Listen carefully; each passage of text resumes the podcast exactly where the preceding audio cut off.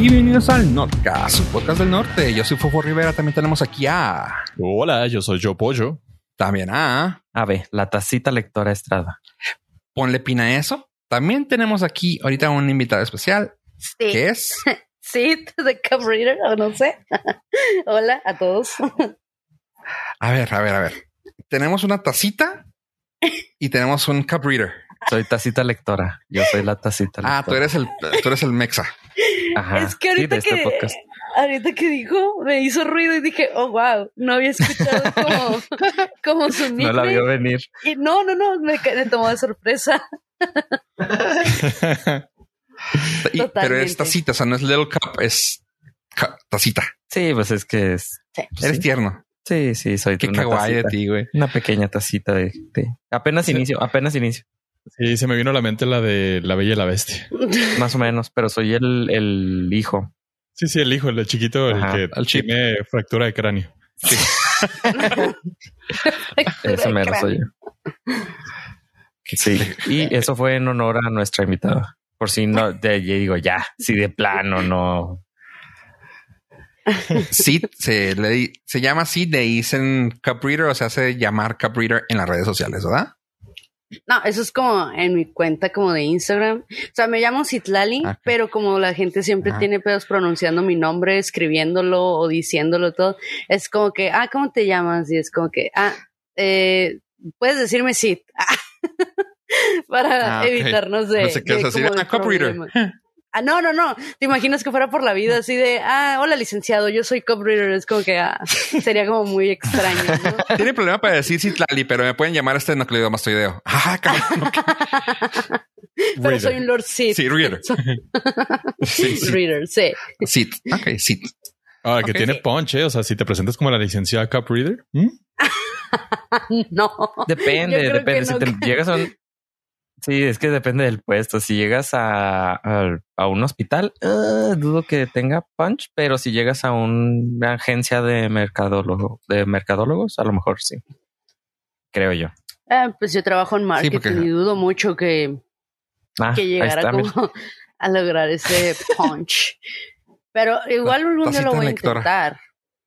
Lo voy a intentar, sí. Híjole, sí, deberías de hacerlo porque, o sea, obviamente no, esto no es una novela ni una película mexicana, pero ya es que todas las películas ahora están basadas en, en marketing y en agencias publicitarias, pero sí te veo así como que, a ver, viene Ah, la las directora Reader, ¿eh? mexicanas. Ah, Las Sí, sí, sí. Viene la directora nomás. Cup Reader y está en onda. Entonces todos hay que ser bien cool. Está No, pero, o sea, trending. pues, Está trending. Es que me decían, eres una tacita lectora, pero realmente, eh, o sea, el eh, como el significado de eh, es la persona, no sé si topan que es como la que lee la borrita del café que queda al fondo cuando te terminas el té o, o el cafecito. Sí, sí, cuando, Y las personas que hacen cuando lees el café. Ajá, sí. Entonces la gente a veces me dicen, ay, es que lo, lo, lo, trans, ajá, lo traducen como así literal. Y yo así como que, ah, pues sí. No, no es el caso como de ustedes per se, sino como hablando de otras personas y yo así de, mm, no, creo que no, pero, pero vale. Y A ver, léeme el futuro. poco- ¿Qué dice mi tacita de café? Ajá, y esta, esa es la otra contraparte, o sea, esos son el otro grupo de personas como que, ah, ok, lees la borrita. Creo ver, en la léeme. ciencia porque leo, pendejos. Creo en la ciencia. No puedo hacer eso. Pero Es bueno, mira, sí, dice hasta tus hojas de no. té.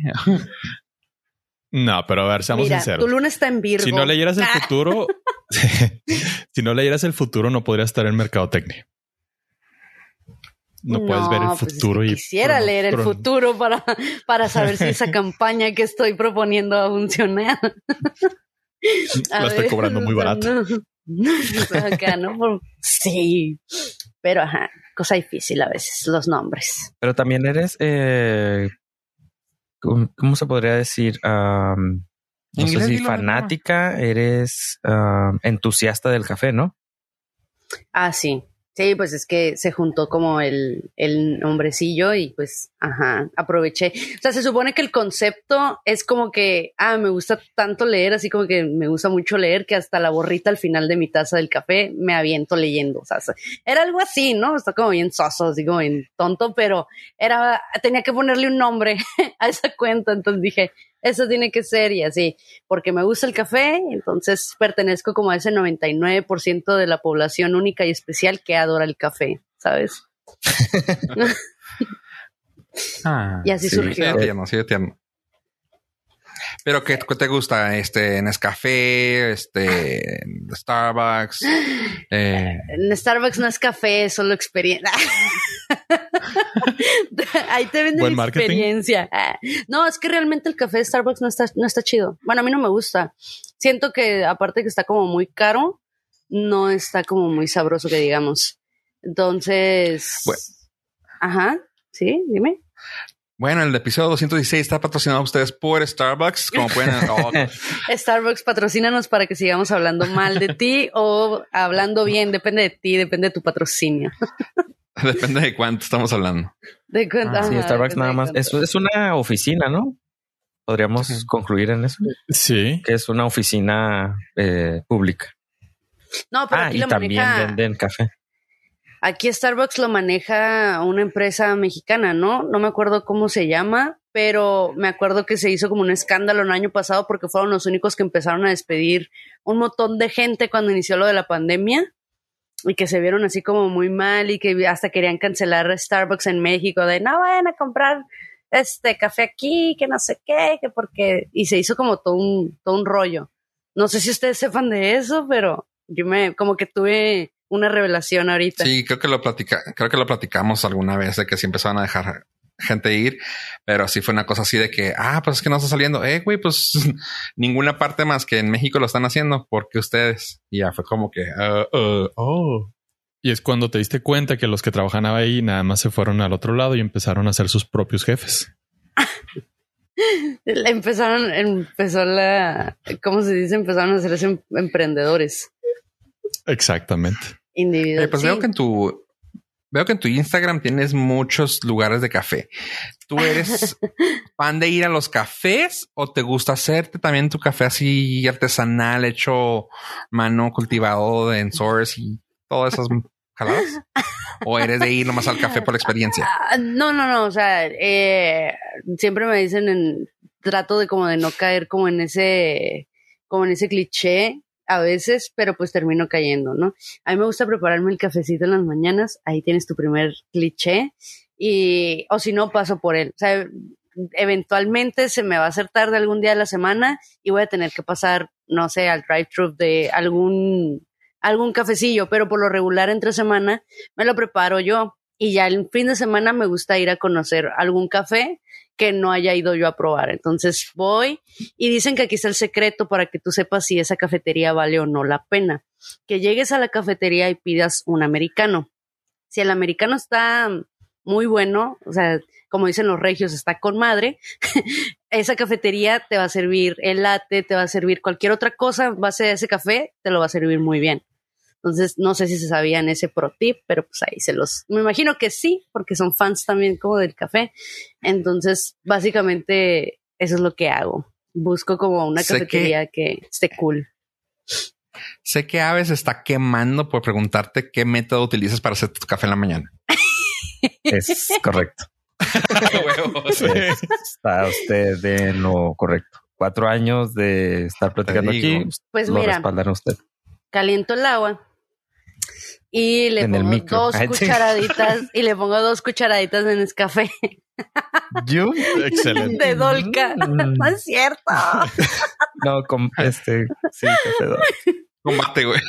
No, no es cierto. Mira, hubo una época en la que sí compraba así como que no, no Nescafé, sino como de otras marcas para ver cómo ex- la- experimentar o qué sé yo. Y dije, ah, ok, no lo vuelvo a hacer, gracias, bye. Y, ajá, así. O cuando estuvo como mucho esa onda de que vertías como el agua y el azúcar y la revolvías y se hacía como una especie como de, como de mousse o algo así, que no me acuerdo, ahorita no me acuerdo Sí, cómo se llamaba. ajá. ¿Cómo se llama? No sé si lo intentaron ustedes, que le ponían los hielitos y la leche y ya subía como esa. Sí, que Esa es mezcla. Ajá. Pero al que me hago las mañanas es una prensa porque es como que más simple, o sea, más rápido, pienso yo, porque ya es que en las mañanas estás así como en un rush y vámonos. Y siento como que las otras, los otros métodos, pues sí les tienes que prestar un poquito más atención y todo este rollo. Como el mocha pot, el mocha pot no te puedes despegar de, de él. O sea, tiene como, sí tiene como su ciencia. Mucha gente dice, pones el agüita, pones el café y lo pones a hervir y pues ya después regresas. Y la verdad es que no, tienes que estar ahí, tiene su, su truco. ¿Y ustedes cómo se lo preparan en la mañana? Ah, es el bueno. A ver. Ah, varía, varía desde, ha variado durante bastante tiempo. Ah, empecé con Aeropress, luego Aero. compré una Chemex, Ah, pero se me que, bueno, no se me quebró, quebré la Chemex, accidentalmente la topé con algo y luego cambié a B60 y luego ahora volví con Aeropress. Pero dura mi, met- mi método de preparación, que la Aeropress dura ah, menos de 10 minutos probablemente, menos. de- que supongo debe ser para muchas personas debe ser, ah, pues no manches 10 minutos para hacerte un café, que pues, ¿qué haces? Lo muelo, caliento el agua, lo vacío en la Aeropress, espero tres minutos y ya. Yo lo. ¿A qué temperatura el agua? Ay, qué temperatura. De entre 90 y 92 grados. Ay, ¿Ves? ¿Por qué pregunté? Sí. no, o sea, Bueno, ya yo a siendo veces- muy mamones. Yo a veces lo muelo, yo no, es que sí sé, a veces cuando te pones a hablar de café, porque me ha pasado, sí te consideran así, ah, eso es de mamadores, y yo, ¿por qué? Y yo, pues, estamos hablando De ave café, no ¿por vas a estar hablando, sí. no, te digo, A ver, no lo, a ver, no lo vas a ofender. No, O pues, sea, yo, soy, sí, yo estoy en el club de ave, o sea, estamos en donde mismo, que nos han atacado así por años. injustificadamente. Yo por eso estoy abriendo el tema para ver si se pueden platicar, pero mira, le voy a dejar el, el piso a Ave para que te explique cuando nosotros dijimos exactamente lo que está diciendo. Hoy y yo dijimos, qué mamador, güey, pero al mismo tiempo le aplaudimos porque está chida, pero Y aprendimos. y aprendimos. Pero Ave estuvo batallando, o sea, ve uh, first world, ¿cómo? First world problems Ah, sí. Eh, para, para viajar. Eh, Platícalo, Ave, Sí. platícalo. Ah, porque yo era joven y inexperto. Entonces, cuando tenía que salir de viaje, decía, bueno, voy a ir a probar un cafecito a un lugar local. Pero luego me di cuenta que es complicado encontrar un buen lugar para, para probar café. Entonces dice, dije, no, no voy a perder el tiempo. Entonces tengo un kit de, de viaje para hacer eh, café ahí eh, antes de salir de cualquier lugar donde esté. Va por lo regular hotel o una casa donde me quede. Entonces llevo mi moledora de café, mi báscula eh, y la Aeropress, que es la... Bueno, antes llevaba también una que es como una pequeña B60 a lo mejor, una... Pu- Pour over, ¿no? Sí, es un pour over. Entonces Mm. nada más pido... Ah, y un termómetro para tener la temperatura del agua justa. Quiero hacer un, quiero hacer una pausa porque digo, para nuestros no listeners que igual y cuando te escuchan hablar de la Aeroexpress no tienen idea de lo que estás diciendo y piensan que estás llevándote una olla express o algo así. No. Podrías iluminarles y Sí, darles una razón. imagen este mental de lo La que te llevas. Es como, imagínense una jeringa, pero Mm. muy grande. es como una jeringota grandota, donde en vez de ponerle una aguja, le ponen, sí, se le pone un filtro y luego se le llena con café, luego se le pone el agua y luego se le pone la otra parte donde presionas y con eso se, ahí se queda, yo la dejo durante dos minutos y medio y luego a los dos minutos y medio empiezo a presionar y dura, duro como 30 segundos presionando y eso sale directamente a la taza de café que me voy a tomar y ya. Eso es, es una eh, pequeña, pues, ¿cómo se llama? Cafetera portátil de plástico que... Pero batalló, o sea, entiende esto, sí, batalló así de que nos platicó de que iban sus métodos cambiando porque es que andaba viendo esto, pero no me funcionó bien, voy a probar este. O sea, vieras, fue casi como dos semanas de, de, de ¿cómo se llama? De test, prueba y de error. prueba, de prueba, hasta que ya lo, hasta lo dejó bien. Y claramente, pues yo que soy un ex- escéptico en esas cosas, le dije, qué mamador eres. Pero no, nos llevó una vez a probar en la, a la grabación y me cayó el hocico con café en la boca y yo, ay, qué rico está. güey". Ya no le puedo decir nada malo porque está, está riquísimo su pinche café, pero es un mamador. Sí, sí, la verdad. Pues No, no, ya se volvió muy rutina. Es, Digo, es como te rutina en la mañana. Sí, es que ya se vuelve como parte de tu vida. Y aparte, pues, o sea, la gente puede decir misa, pero pues si a ti te gusta el café de alguna manera, pues así te gusta y punto. Por ejemplo, yo cuando viajaba a la sierra, yo no me llevaba como todos los artefactos necesarios para hacerme como mm, el café perfecto, por así decirlo, porque en la sierra no se es tan fancy, ¿no? En la sierra te llevas una talega y así en tu fogatita y te llevas el peltre y así haces el café allá arriba es como muy diferente, ¿no? Igual se puede llevar un Aeropress porque pues es a, a todas partes, ¿no? Pero en ese entonces pues yo no, yo no conocía este método todavía. Entonces, pues así, y le dicen pues el café de talega, pero no sé si lo conozcan porque no está tan fancy ese método. Sí, es, es, ese es- ay, lo conocía como café. Hay también uno que se llama Cowboy Café, creo. Es ese. Es ese, ¿verdad? Ajá. Que Ajá. Sí. nada más se muele y así directote. Ajá. Sí, es, es- Sí. ese, es- ese está complicado, ¿eh? Es Sí, como, hombre. es que es como Sí, la sí. leche, es como la leche bronca del café. Ajá, tienes razón. Ese es de los meros Es como conocedores una de trabajadores. versión, versión cowboy del café turco, ¿no?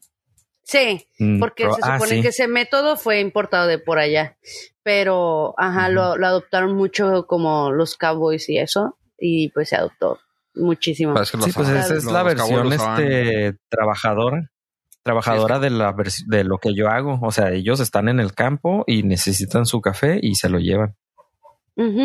Claro, yo tengo mi báscula y ahí todo, todo delicadito. Digo, yo Pero, también pues, uso báscula, pero no la uso todo el tiempo. Es como que ay, a veces soy como muy pragmática, ¿sabes? A lo mejor ya después ya no soy como tan cuidadosa. A lo mejor, ¿sabes cuándo lo cuido mucho? Cuando es para alguien. Cuando es para alguien más, o sea, sí cuido ya como las, las medidas y todo eso y, y la, uso la basculita y... Pero, o sea, tú me ganas porque tú mides la temperatura. yo no la mido. yo, no, yo nada más uso la, la báscula, pero, pero así como no, de... es que luego pregúntale por qué, por qué le hace esa temperatura. Y Porque el claramente hizo todas las temperaturas habidas y para ver. Bueno, es que también de- depende mucho del Mira. tostado del café. Entonces, si le metes una temperatura muy alta y cuando haces el café, lo tú estás Se quema. se, se- se quema tantito más. Entonces lo, lo, so- lo estás tostando ahí mientras lo estás haciendo. Pero hoy y te vas ah, a hace ver poco más encontré un-. Ajá. Entonces se cuida, se cuidan todos esos detallitos. Pero hace poco encontré en unos foros que recomendaban cuando así ya no tienes nada de plano y nada más tienes un micro, que le pongas un no popote, como un ah, como un pedazo de madera, como una, ah, ¿cómo se llama? Un palito de paleta. Lo metes al micro y le prendes ahí bastantes minutos para que hierva, pero no se, o sea, no se, no se salga de la taza el agua. Entonces con ese palito de madera se regula más o menos la temperatura y te puedes salvar ahí de, es, esa es una forma de calentar el agua de emergencia para hacerte un café. Que no hierva a explotarte. Sí, que no hierva a explotarte exactamente. Sí, fíjate que yo te digo, soy como más pragmática y si yo sé que, que estoy haciendo como un tostado fuerte, ya más o menos por instinto ya sé cómo hacerle eh, para que no me sepa amargo y ese tipo de cosas. Sobre todo con el mocha pot, porque el mocha pot lo tienes que cuidar mucho eso, porque si lo, lo hierves a mucha temperatura, sea el café que sea, se te puede quemar. Y se, o sea, Ujú. sí, se, sí se siente en el saborcito, o sea, sí lo vas a notar. No sé ustedes cómo lo preparen, pero yo por lo regular, eh, primero caliento el agua para que no dure mucho tiempo como en, en la estufa y luego ya después ya pongo el café para que pues ya vaya saliendo. Y a fuego muy lento, o sea, a fuego muy, muy bajo. Y luego para detener, detener como el proceso este de brew, cuando ya, ya sale todo, lo pongo como arriba de unos hielitos para detener como ese proceso. Y ya, se escucha sí. como complicado, suena bien. pero no. Suena muy bien. O sea, te- No, tienes suena- el proceso. Suena como debe. pues sí, básicamente. Así fue. Esta semana mandé pedir dos veces café, el mismo café, por equivocación. Ay, por equivoco. Sí, Ajá. porque la primera lo mandé pedir, me mandaron así que tu café ya está en en Camino. camino. Y lo pediste tal café molido a Panamericano. Y yo, no puede ser, lo pedí molido. Y pues, me les eh, escribí, me dijeron, no, pues ya, ya salió tu café para, para su destino. Molido. Entonces tuve que pedir otro. Desgraciadamente. Voy No a tener. preocupes, aquí lo aceptamos, ¿eh? Yo sí le doy chance a varias marcas, a veces a las cafeterías. Si voy a la cafetería y me gustó su americano o su grano, pues sí pido como Sí. para hacérmelo aquí en mi casa o así. Y, y si no, pues también pruebo como otras marcas para moler o ya que vengan así, pues molidos. A sí, ver, sí, este, si no sí, este sabes, buen tip. De no sabes. primero el Ella sale eh, a pasear, o sea, ella sale de su casa. No, pues no, Sí, no necesariamente como a pasear, pero o sea, ya gran, o sea, gran parte de la población pues ya está vacunada y así. Y aparte aquí en la Bueno, pero frontera, sales de tu casa, punto. ¿ustedes no? A ver, no. Es que Ave, pero eh, Ave, siendo justos, fue prepandemia, no salía de su casa. Es que Sí, yo nunca trabajé remoto. Yo nunca trabajé remoto. Ah, mí sí, vamos a decir que es por eso, sí, tenía sí es por eso. que- ir a la oficina y yo, malditos. Pero bueno, Sí, no, no digamos que es antisocial. Está bien, sí, es por remoto. sí, la verdad es que yo preferiría quedarme en mi casa muchas veces, pero pues bueno. Alguien tiene que Pero aunque se acabe la pandemia, ¿eh? creo que no. De todas formas, así estoy bien. Sí, ¿verdad? Ahora, lo que me sorprende, lo que me sorprende, sí, es que he visto más cafeterías en tu Instagram que creo que lo que he visto en mi vida. y eso que no las posteo todas. Dios mío, creo que No. Juárez he visto como seis. No, es que eh, aquí en Tijuana se dio como mucho el boom de cafeterías locales y la verdad es que se pone, se ha puesto muy padre en ese aspecto porque todas le echan ganas, ¿no? Para servirte una muy buena taza de café. Entonces hay lugares a los que yo he ido y que digo, mm, no, aquí está bueno tu café de olla, pero no está bueno tu americano y no está bueno tu latte, no está, ¿sabes? O sea, poniendo como un ejemplo, o que te sirven, no sé, un buen carajillo, pero, o sea, su grano realmente no está cool, pues. Eh, Y así, básicamente. Pero la, la gran mayoría se esfuerza como para, para que, que el grano, que el café que te dan, que el tueste, que todo, todo eso, ellos lo, o sea, se esfuerzan para servirte como ahora sí que una buena taza de café y que vuelvas. Qué Sí, chido, porque obviamente mm, tu principal competencia sí o sí va a ser Starbucks por el concepto del, pues del marketing. Entonces, pues obviamente no puedes competir en ese sentido siendo cafetería pequeña, No, pero donde sí puedes competir es dando un buen café. Fíjate que mucha gente ya, o sea, eh, a lo mejor la gente como pudiente o la gente como que tiene así como un chingo de varo, sí le gusta mucho Starbucks o lo que sea. O sea, realmente no sé qué, bueno, sí sé qué tipo de gente va a Starbucks, pero, pero, o sea, a mí sinceramente, yo a Starbucks por café, o sea, yo no iría, eh, aquí en México, porque en Estados Unidos, o sea, no es porque, ay, o sea, hacer la diferencia, que no sé qué, pero realmente sí sabe diferente. O sea, si vas a un Starbucks en Estados Unidos, si vas a un Starbucks aquí en México, sí, yo sí percibo diferencia. Y me van a decir que, ay, que, qué mamadora y no sé qué, pero, porque me lo han dicho, pero, o sea, ¿qué quieren que haga si si yo sí detecto como ese, ese sabor diferente? Primero la nostalgia, poder ir a Estados Unidos. Ah.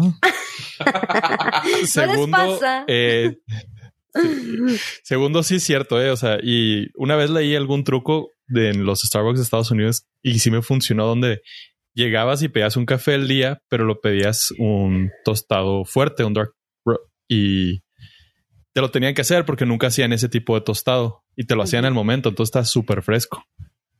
Ah, ok. Sí, sí, sí, porque la verdad es que yo sí lo noto. Igual cuando vas al Cars Junior allá y vas al Cars Junior aquí, o sea, mil que sí hay diferencia.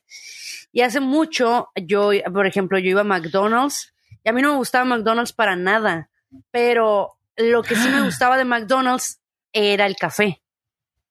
El café sí me gustaba Oh, de McDonald's. buenísimo. Y mucha gente Sí. se extraña y dice, ¿cómo en McDonald's te van a servir buen café? Y yo, ay, claro que sí, McDonald's Sí. sirven un café con madre, sí, mache. El truco dicen que está en que, a ver, No, A ver, pues no sé. O sea, ¿Qué proceso de que- en, la- en el agua, güey. ah, en el pues, agua. también. Eh, puede No, ser un secreto, ¿eh? agua. O sea, sí. Efectivamente. El agua es el secreto de McDonald's, tanto su café como sus sodas. Es una cosa que no tiene madre. Eh, tienen un triple filtrado, quién sabe qué tanto. Que tengo, creo yo lo platiqué, ya se lo platiqué a los chavos hace de tiempo, pero tengo familiares que van a comprar Coca-Cola, así Coca-Cola, nomás ahí, y es lo que compran en el drive-thru. O sea, de que dicen, güey, es que no puedo comprar, no puedo tomar Coca-Cola de otra parte, güey. La Coca-Cola del drive-thru de McDonald's es la buena. Y yo, ¿what? Y ya busqué, puta, ya sabes que uno se da eso. Busqué así como que razones por las que McDonald's tiene buena soda y lo. El café también está hecho con el mismo agua, que es triple destilada, quién sabe qué, y a la madre. Tienen sus, sus destiladoras en cada McDonald's. Así que por eso es Oh. uno de los secretos más grandes de McDonald's. Yo no sabía eso, ¿eh? Me acabas de iluminar. Prueba una, prueba una coca de allá, o sea, prueba un cualquier refresco de, de McDonald's y vas a decir, ah, cabrón. No, y sí, la de café por eso está bueno el de allá. Pero sí, o sea, prácticamente, o sea, la comida de McDonald's no, para nada. Pero el café, ¿qué tal? Ese sí. Ese sí, definitivamente. El combo, el- el Y- combo BTS estuvo bien padre. Ok. Ah, no. Dijo nadie nunca. Yo no fui. Eh, sí estuvo rico. Yo, yo no, yo no, yo no fui fan ni nada, ni tampoco es como que ah. porque la última vez que fui a McDonald's aquí en Tijuana me supo a químicos la hamburguesa que pedí y dije, eso me pasa por darle oportunidad a algo que yo sé que no me gusta. Y pues ya. y pues ya ahí se, se acabó. O sea, it ended right then and there. Bye. Ah, Pero eh, si Ah. estamos hablando de Estados Unidos y hay mucha gente que va a discrepar o, o no va a estar como de acuerdo, pero a mí me gustan mucho las hamburguesas del In n Out. Y a mucha gente no. Se les hacen como muy simples, se les hacen como muy básicas y yo pues, güey, ese es el concepto del In n Out. O sea, cómo eran las hamburguesas antes de que le metieran tanta fregadera como si fuera pozole. quiere humillar a los pobres acá, ¿va? Sí, este In and ¿De Out no qué? funcionan de este lado de la frontera. No hay de este lado de frontera. No, no, no. O sea, yo estoy No, hablando Es de más para allá. el, es más para el West Side. No, no, es más del West Side. De No, es que es, es un concepto que no, no, hay, no haya entrado a Texas en general. Lo más lejos, lo más cercano que hay está en Casas Grande, Arizona. Ahí donde ap- apenas está cuenta el 10, ahí. Ah, ¿Qué les queda cerca a ustedes? ¿El paso o...? El. Paso, Texas. Sí, el Ah, el paso. Las. Cruces, no, México. O sea, aquí es territorio Whataburger. Oh, wow. Whataburger. O bueno, ¿sabes qué? cuál, cuál otra que tal vez allá sí tengan? Five Guys. Eh, Five Guys es bueno. Ah, Five Guys es sí. muy bueno. Ese me lo han recomendado así como un chorro, pero nunca he ido. Muy Sí, o de bueno. por angas, Sí, por mangas. In-N-Out pues está muy rico. Sí, sí, sí. Pero bueno, ya no hablemos del Paso, Texas. Ni de Estados Unidos porque Bueno, sí, Duele. más bien de Estados Unidos. duele el tercer mundo. No, duele la región 4. Duele la región 4. Sí. Durísimo. Esperemos que ya se cae el veto. Y ni empezamos a hablar de calzones comprados en Target porque Oh, parece pues, buen cosas que sí podemos conseguir de Estados Unidos aquí. Tenemos algo que Nintendo acaba de lanzar y me gustaría que Ave nos contara de eso. Ah, es truculento. Eh, eh, me emocionó en la semana Ajá. de que un nuevo Switch. Creo que ya les había platicado a ustedes de que Nintendo podría haber, podría sacar un Nintendo Switch Pro. Pues nos vamos a quedar con las ganas porque lo único que hicieron fue sacar una versión OLED, que es el tipo de tecnología que se utiliza en la pantalla, y Eh. le aumentaron como punto nueve, punto ocho pulgadas. Es una pantalla, es un Nintendo Switch que se llama Nintendo Switch OLED y ahora es de 7 pulgadas. Wow. Cuesta 50 dólares más.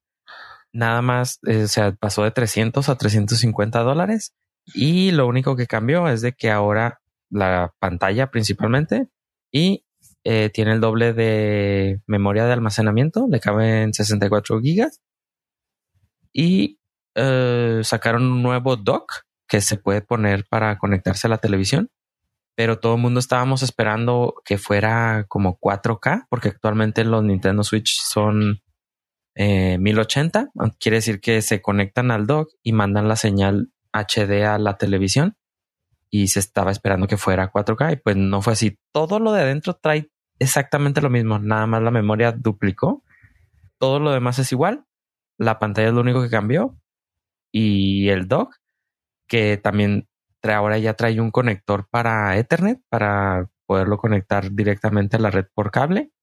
Oh, wow. Y el dock ese que es la novedad se puede comprar por separado, que cuesta actualmente cuesta 60 dólares y no sabemos si cuánto vaya a costar, pero ah, pues fue lo único chido de la semana y no tan chido. Sí, Lo chido, lamento. tan chido. sí. si algo triste. tienes Nintendo que le puedo aplaudir es el costo y la disponibil- disponibilidad. y que, o sea, la plataforma sigue durando durante mucho más años que las otras. Sí. Ah, sí. O sea que la inversión inicial este, te dura mucho más tiempo que las otras porque siguen saliendo jueguillos, aunque no con la misma calidad que las otras, pero pues, una ya tiene varios años utilizando la misma plataforma y no se ve para cuándo vaya a cambiarla. Menos con este lanzamiento que acaba de hacer. Así que esa es la triste noticia chida, no tan chida. ah, pues qué triste de veras. Pero ni modo. Hijo, yo nomás quiero un Switch por jugar el, los de Zelda, güey. La Zelda. Sí, claro. No, Yo- Fortnite, Fortnite. Mi ciclo Oh, con, con Nintendo terminó en el 64. Ah, bueno, tuve Oh, wow. un, tuve un este 10, pero realmente no, no pudimos seguir con nuestra relación porque pues no soy una chica Nintendo ya y lo terminé vendiendo. Así que realmente, o sea, Switch es lo que menos me, me llama la atención ahorita.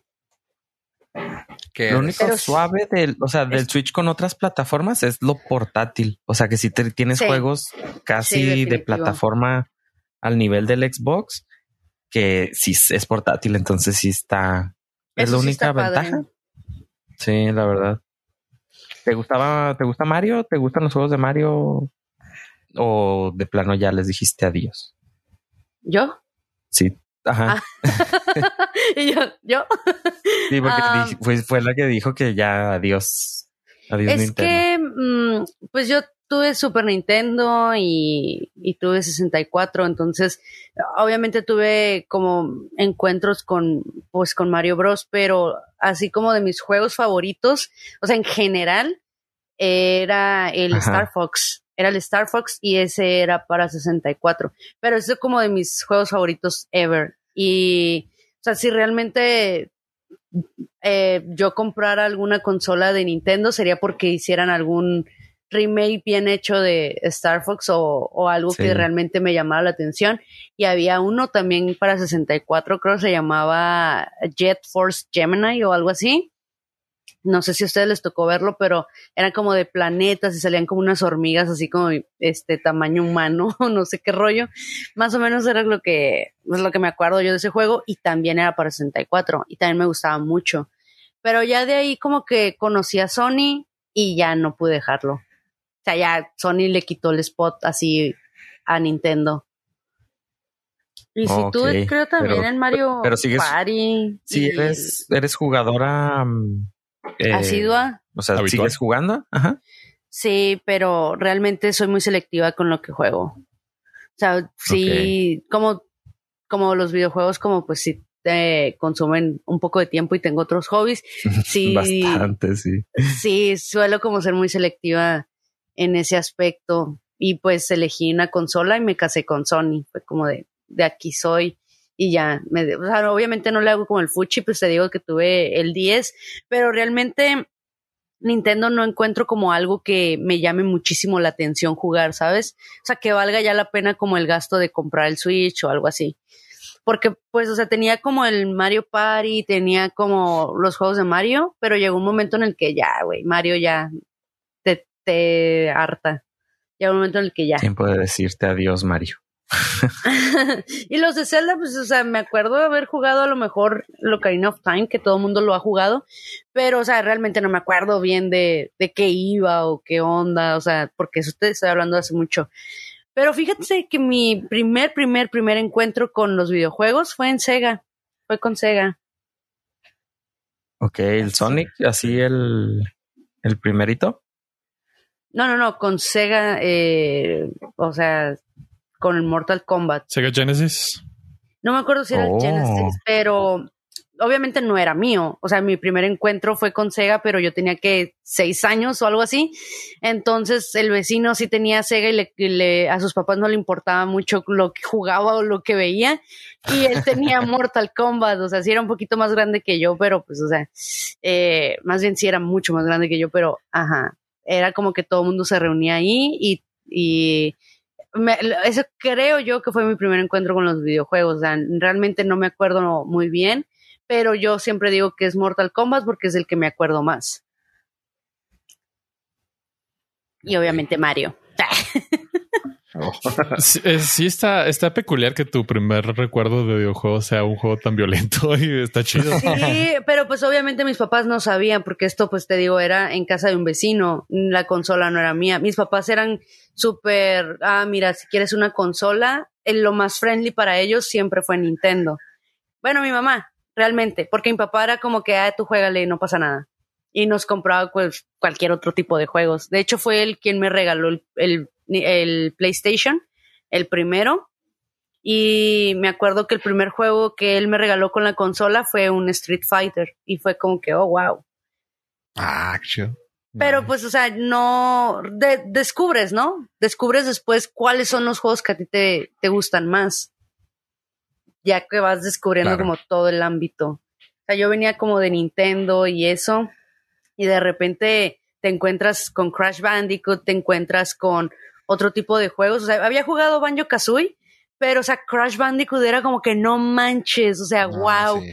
lo amo. Y te- no sé, otro que es mis favoritos, el Sly Cooper. Y wow, o sea, no, me enamoré mucho de esos juegos. Y así te vas enamorando como de tu, de lo que más te gusta. ¿Ustedes son videojugadores o qué? No, o sea, en general. ¿Qué juegan Ah. o qué? ¿Qué les gusta? No, yo decía Sly Cooper, digo. Ah, el Sly Cooper sí, para PlayStation. Sí, sí, sí. Eh, no, yo no, yo no soy nada gamer. El que más le hace ahí creo que se viene siendo el ave. Sí, por necesidad, Ajá. Por para convivir. Este, ahorita, sí, ahorita estoy jugando en el Xbox, juego más Fortnite. Y en eh, la computadora ahora estoy, volví a empezar a jugar Minecraft. Bueno, es para hacerle chicos, compañía. fue un placer, ¿no?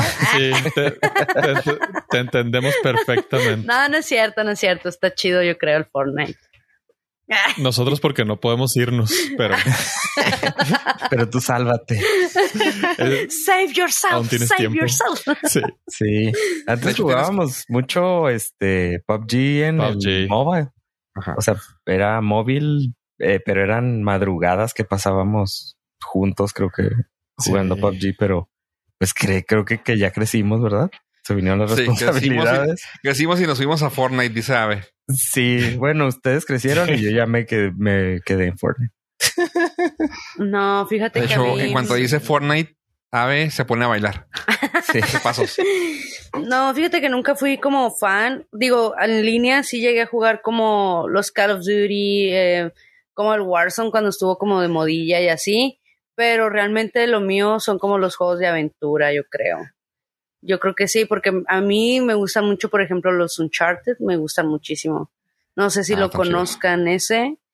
Y Sí, está chido. Y pues, o sea, ese tipo como de juegos como que me gustan más. O a veces como, eh, no sé, ah, otro que me gusta mucho es el Dead Space, pero ese es como survival horror, algo así. Sí, está, está cabrón eso. Entonces, ajá, jueguillos así. A veces soy como muy selectiva, te digo, en ese aspecto. Pero sí, sí me mama jugar. Es como parte de mi vida, sí, sí, sí. Mira, qué chido. Nice. No, yo sí soy bien basicote. Soy el FIFAs de este grupo. No hay El prejuicio. FIFAs, el, el Madden, el.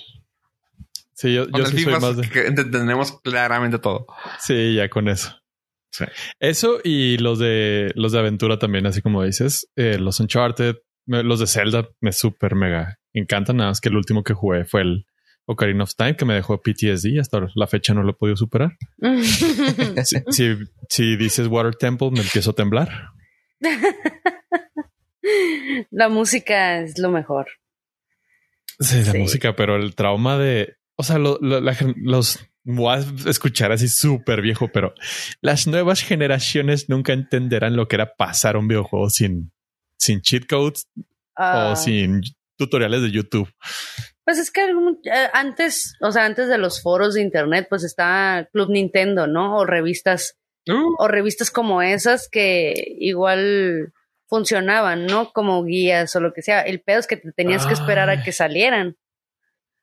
Y tenías que, o sea, tenías que aceptar la vergüenza de decir, no pude, tengo que ir a comprar la revista. Sí, oye, eso como que sí era lo peor. Lo bueno es que yo tenía en casa a mi hermano menor. Mi hermano menor a veces era bueno para sacarme de ese tipo de, de predicamentos. Era como que, güey, qué pedo, no puedo. Se robaba la revista. No puedo no, no, no, él solito, él solito a veces como que encontraba la respuesta que yo no veía. O viceversa, ¿eh? A veces yo encontraba la de él y así. Entonces no hubo como, a veces como mucha necesidad de comprar la revista, pero bueno, no, realmente no me acuerdo de haberla comprado como de, ah, ya no pude pasar aquí. Lo que sí era, me tocó mucho lo de los códigos de Grand Theft Auto, que los jugaban y se pasaban como códigos o no sé qué rollo. Eh, eso sí me tocó. Pero para computadora, para PC. Eso de que ibas a lo mejor a, con la, a la casa de tu amigo que tenía buen internet o lo que sea. Y bajabas los, sí, bajabas la lista de códigos para tener mucho dinero y cosas. Sí, sí, sí, realmente no me acuerdo, te digo muy bien qué rollo. Tampoco no es como que fuera como muy fan, pero sí me acuerdo que hubo, eh, ahí estuvo esa época, ¿no? Sí hubo. Y había, había un mercado negro donde alguno de tus amigos con harto billete compraba una madre que se llamaba Game Shark, que era un disco de códigos que ponías antes del disco del juego. A ver, Y a era ver, así ya ser super hacker. a ver, a ver, ¿cómo? No entendí. Había antes, a- antes había un disco que se llamaba Game Shark, donde te ponía los códigos y cartucho, hackeaba. ¿no? Era un cartuchillo que ponías. Cartucho o juego o CD también para el PlayStation. Mm. Y este lo ponías y elegías el juego y te decía, ah, ok, ¿qué cheat quieres? Y luego, no, pues este, este, este, este, este. Y luego le ponías a ejecutar y luego ya te decía, ok, retira el disco y pon el disco del juego. Ya pones el disco del juego y ya corría el juego con todos los cheats. Pero tenías que Ah, comprar el Game Shark. Ok, ya entendí. No me acuerdo, ¿eh? De que me haya tocado eso. Ese sí. Es la edad, es la edad. Yo, ese sí no, no me acuerdo. Pero tenía un Tamagotchi. Digo, Todos tuvimos Tamagotchi. eh. digo, se me murió porque no le di de comer, pero tenía un Tamagotchi. Pero sí, qué grandes épocas. Y ahora están de vuelta otra vez con aplicaciones, los Tamagotchis. Oye, y algo que por más que nos hayamos querido alejar de eso con la, con la edad, no, sí, sigue aquí, o sea, nos sigue respirando en la nuca, güey. Estoy hablando de, Nerf- de Disney, güey. De Disney. ¿Qué onda? O sea, por más que nos queramos alejar de ellos, No, es imposible, güey. es. ¿De No, imposible. creo que, en- que entre más creces, Disney es Más te mejor, ¿no? acercas. Sí, más te acercas. Ay, Pues Disney es dueño de todo. Ah, ok. O sea, Disney es dueño de todo. Si viste Loki, pues Disney. Si viste eh, Los Simpson. Los Disney. Simpson, Disney. Si viste Black Widow, Disney. In the Heights, no sé cómo es que no llegó, pero pues sabemos que ahí estuvo también. Espiritualmente está Disney ahí, güey. este, sí, también. ¿Quieres Sí. que no? Le pagó, le pagó dinero a Manuel Miranda para poder pagar la serie, para la película de In the Heights, así que Disney. Disney. Disney. Ah, sí, me gustaría, digo, podemos tocar el tema de Loki nada más levemente. Bueno, es más, ahorita lo tocamos más adelante para que hagamos una transición después a Black Widow. Pero me gustaría retomar el tema de In the Heights, ya que hablaste de ella, Fofo. Y recomendársela a nuestros Nord listeners como la mejor película musical con la peor historia. Mm, Ok, no, ¿cómo no es eso? concuerdo. mamá mía, ¿te olvidas de mamá mía? Pero mamá, me tiene buena historia. Sí, just kidding. Tenía historia, punto. Tenía historia. In the Heights es la, la, pues la nueva sensación musical porque fue este escrita, desarrollada, fue sudada y emanada de Lin Manuel Miranda, lo cual ya es una garantía. La, la trama, digo, no, no hay necesidad de decir ningún spoiler porque no vale la pena, pero es simplemente el, el, el homenaje al ser latino en Estados Unidos y de cómo todos automáticamente, sin por tu pasaporte, sabes bailar salsa bien chingón y te puedes mover y traes este. Iba a decir el azúcar en la sangre, pero pues sí, en muchos casos es cierto y e, es malo. Hay que cuidarse, chavos. Realmente eh, no me, ni siquiera me acordaba que había salido o que va a salir. Es como que no sé, no, no me acordaba, ni siquiera sé si es basada en algo, pero eh, ese güey, Lin Manuel Miranda, sí me suena, pero no me acuerdo de dónde. O sea, simplemente no me acuerdo de dónde. Haces bien, niégalo, niégalo siempre. Niégalo. sí, sí, hazle negging al güey, o sea, Eric también, chinga su madre. Es el creador de la, la, obra de Hamilton. Ah, con razón, con razón. Sí, es como su highlight más grande. Es que ese sí estuvo muy padre. No, ya me acordé quién es. Es este barboncito, ¿no? Ya me, Puertorriqueño. Es, este compositor y también actúa. Sí, sí, sí, todo. sí, hace de todo el güey. No, ya, ya, me iluminaste ahorita que dijiste de Hamilton. Sí, es ese güey. Salió en el documental de Con mucho amor de Walter Mercado, todo, todo. Sí, ese, es todo. ¿Lo puedes recordar por? sí, güey. Sí, pero Hamilton a mí se me hizo muy cool. O sea, a mí me gustó. Hamilton está muy cool.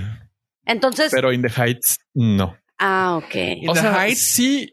In the Heights, la obra era, era, pues para muchos, era mejor obra que Hamilton. Claramente. Pues fue la primera que le pegó. Ajá, fue la primera que le pegó. Pero cuando salió esta, como que la gente fue así de, ay, qué chido. Ah, bueno, no, mejor callémonos, no digamos nada. Porque conozco mucha gente y en el medio de la artisteada que así de que, güey, es que es la mejor. Eh, Hamilton no tiene shits over in the heights. Y yo, ah, neta, güey, sí, güey, vela. Cuando salga vas a ver. La puse y nada. Y lo también así que le pregunté y, ah, no, sí está chido. Ah, neta, güey es que está muy chida la película en el sentido musical. O sea, todas las coreografías, todos los bailes, eh, algunas rolas no están chidas. Está muy padre todo. O sea, como un todo funciona visualmente, te entretiene, dices, ah, sí, claro, soy latino, sé bailar. La historia que cuentan es muy mala, es muy insignificante, no, no, no va a ningún lado y no se necesita, que es lo peor del caso. Y es por eso que es la mejor, el mejor musical con la peor historia. Pues es que, ¿sabes qué? Eh, yo batallo mucho con los musicales porque no soy como muy fan, por ejemplo, pero eh, también soy como, soy como la fregada más bien, porque a veces digo, ah, no, no manches, o sea, están bien cool los musicales y que no sé qué, y a veces no soy tan fan de los musicales, es que yo creo que sí depende mucho, pero pues a mí sí me gustó Hamilton y entonces a lo mejor cometo el error de decir que también me puede gustar esta película porque me gustó Hamilton y no va a ser el caso. Entonces, eh, mira, sí se siente la mano de Lin Manuel Miranda. clarísimo. Sí se siente. O sea, si te gustó Hamilton, vas a decir, ok, se nota que le hizo el mismo güey. Hasta ahí. Porque, por ejemplo, mamá mía, a mí lo que me gustó fue la música de Ava. y ya va ahí. Sí, claro, bueno, ahí no hay pierde. Pero pues, por ejemplo, Los Miserables me dijeron, no, que tienes que mirarla y que la música y que, y que no sé qué, pero me da una pereza ver. Hijo, no, aquí fui el único que tuvo las agallas de ver Cats y sigo ah, diciendo que está buenísima. No, no es cierto, nunca dije eso. No, no, no, bueno. No, no, fue cierto. Tú fuiste el único que pudiste verla, güey.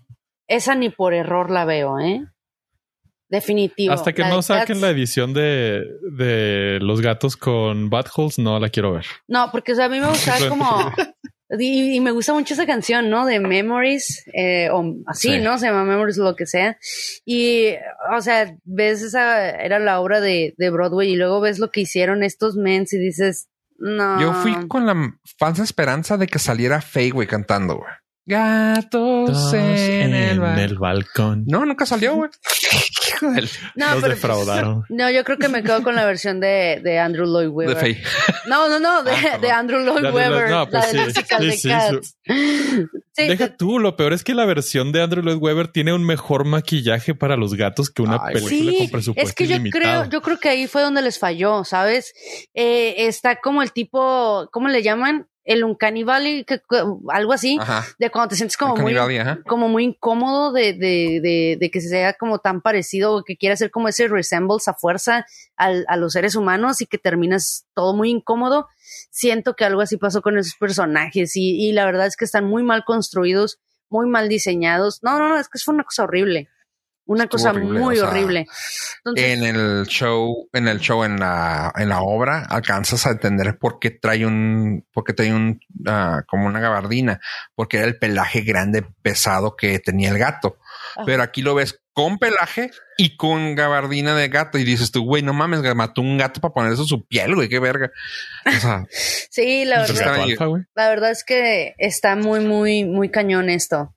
Y dices, oye, o sea, como una versión que de los noventas o algo así, simplemente es una puesta en escena, le va a partir la madre a un, a un este blockbuster de esa magnitud. Y sí, yo digo que sí, o sea, sí se la parte, pero fácil. Muy, bueno, muy pero sale fácil. Jason de Rulo con, con el trajecito pegado y o sea, hasta No. yo me emocioné de ver a Jason de Rulo con el traje pegado. Bueno, pues es que yo, Sí, nada más tú. Yo, sí, nadie que- conoce a Jason de Rulo, neta, neta, nadie. yo creo que no sé de qué me estás hablando. Bueno, está bien. O sea, ubico el traje pegado, pero no a él.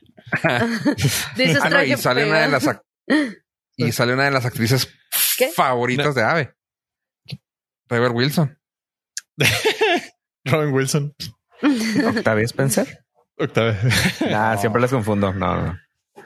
Igualita. güey. Ay, no. Bueno, No, pero yo, yo, yo me quedaría con mi musical favorito es eh, Soy muy ñoño y es El Gran Showman para mí. Hugh Jackman puede hacer lo que del quiera. explotador ese P.T. Barnum. Sí. De, Mira. Pues Hugh Jackman es, me quedo con él. Bueno, me entretiene. Me entretiene, nada más. Es lo único que les Sí, puedo decir. Pero, o sea, la cancioncita esa de This Is Me que también causó como mucho revuelo. La neta sí está padre, ¿no? Ya ahorita ya Sí. se murió. Pero en su momento Está sí está así fue, como- fue muy explotada. Sí, es como de esas canciones que escuchas 50 mil veces en un día y dices, no, ya murió. Sí, no. Ajá. Entonces no es como algo que vaya a trascender, ¿no? Pero en su momento, pues sí causó como un chorro de furor. Y yo nada más la vi por Hugh Jackman, porque yo en su momento yo no la iba ni a voltear a ver. Pero resultó que sí estaba medio entretenida. Digo, no es como que la intención era como el guion o una gran historia, sino más que nada como el show. Y pues en eso sí cumple, ¿no? Más que nada para eso son los musicales. No es, no es, yo digo que es un error cuando ves un musical esperar una gran historia. Porque los musicales es como que, ah, nada más es música y bailecitos. Y la verdad, la historia nada más es un pretexto del por qué estamos aquí bailando, pero. Los no le Miserables está buena. Ay, pero es que Los Miserables yo no la he visto.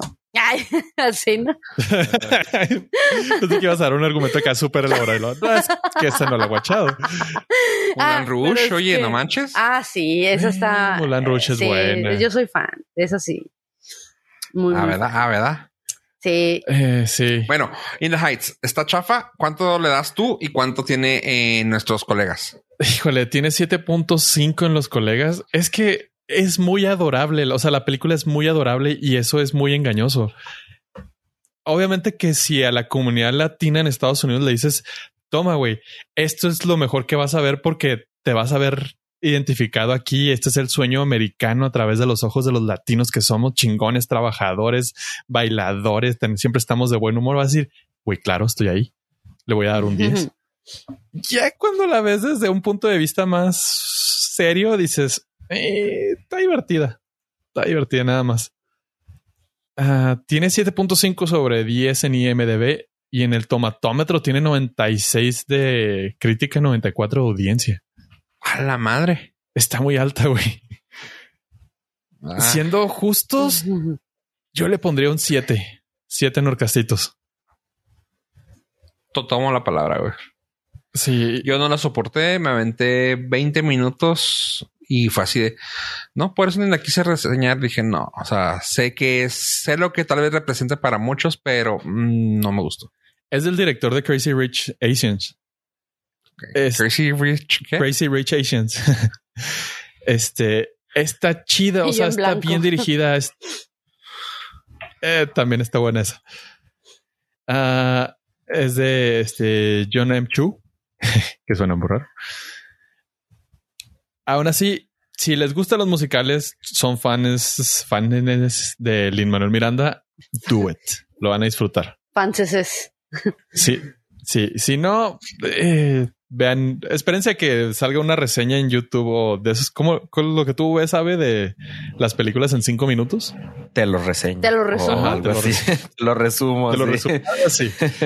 O del Fede Wolf, ¿no? Y- La historia en un video. Sí. sí, yo a veces me aviento esas porque la verdad no eh, Ajá. me dan ganas. o sea, Ah, porque voy se a van- ver esa. dos canciones.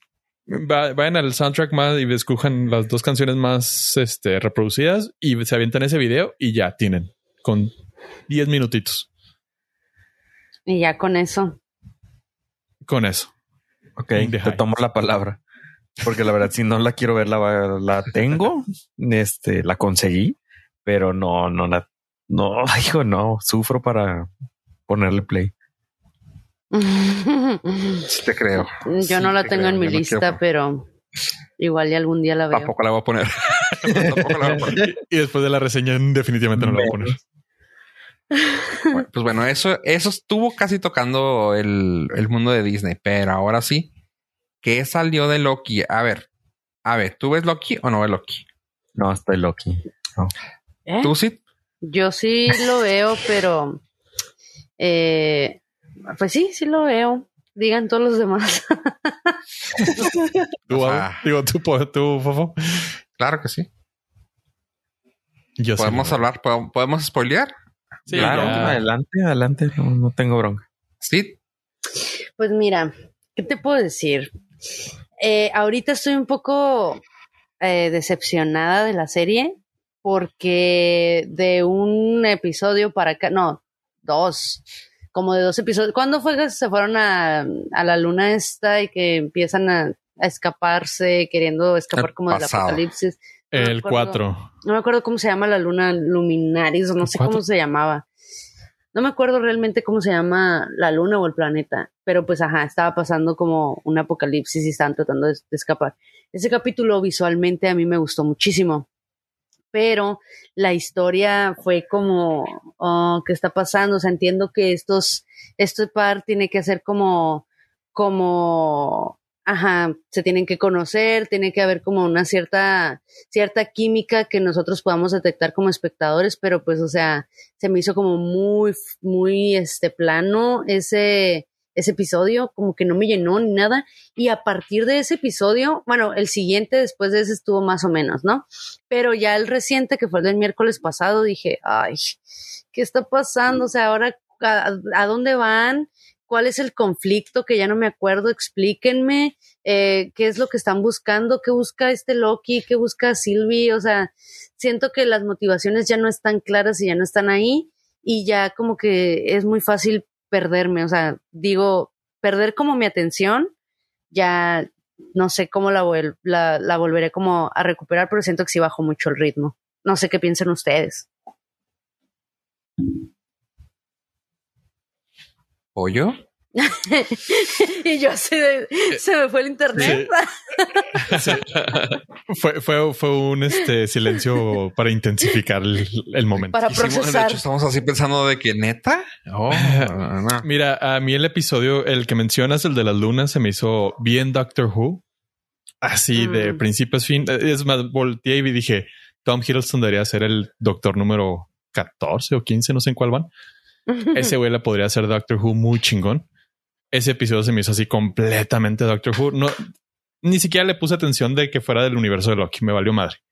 Ajá. El último, este, a mí sí me gustó un chorro y aquí he platicado de que mi problema con eh, Falcon y el Soldado del Amor es que se, se me hace ya un conflicto tan, tan me. O sea, tienes a los dioses del universo de Asgard y tienes este a los superhéroes más cabrones que viajaron galaxias para matar a Thanos.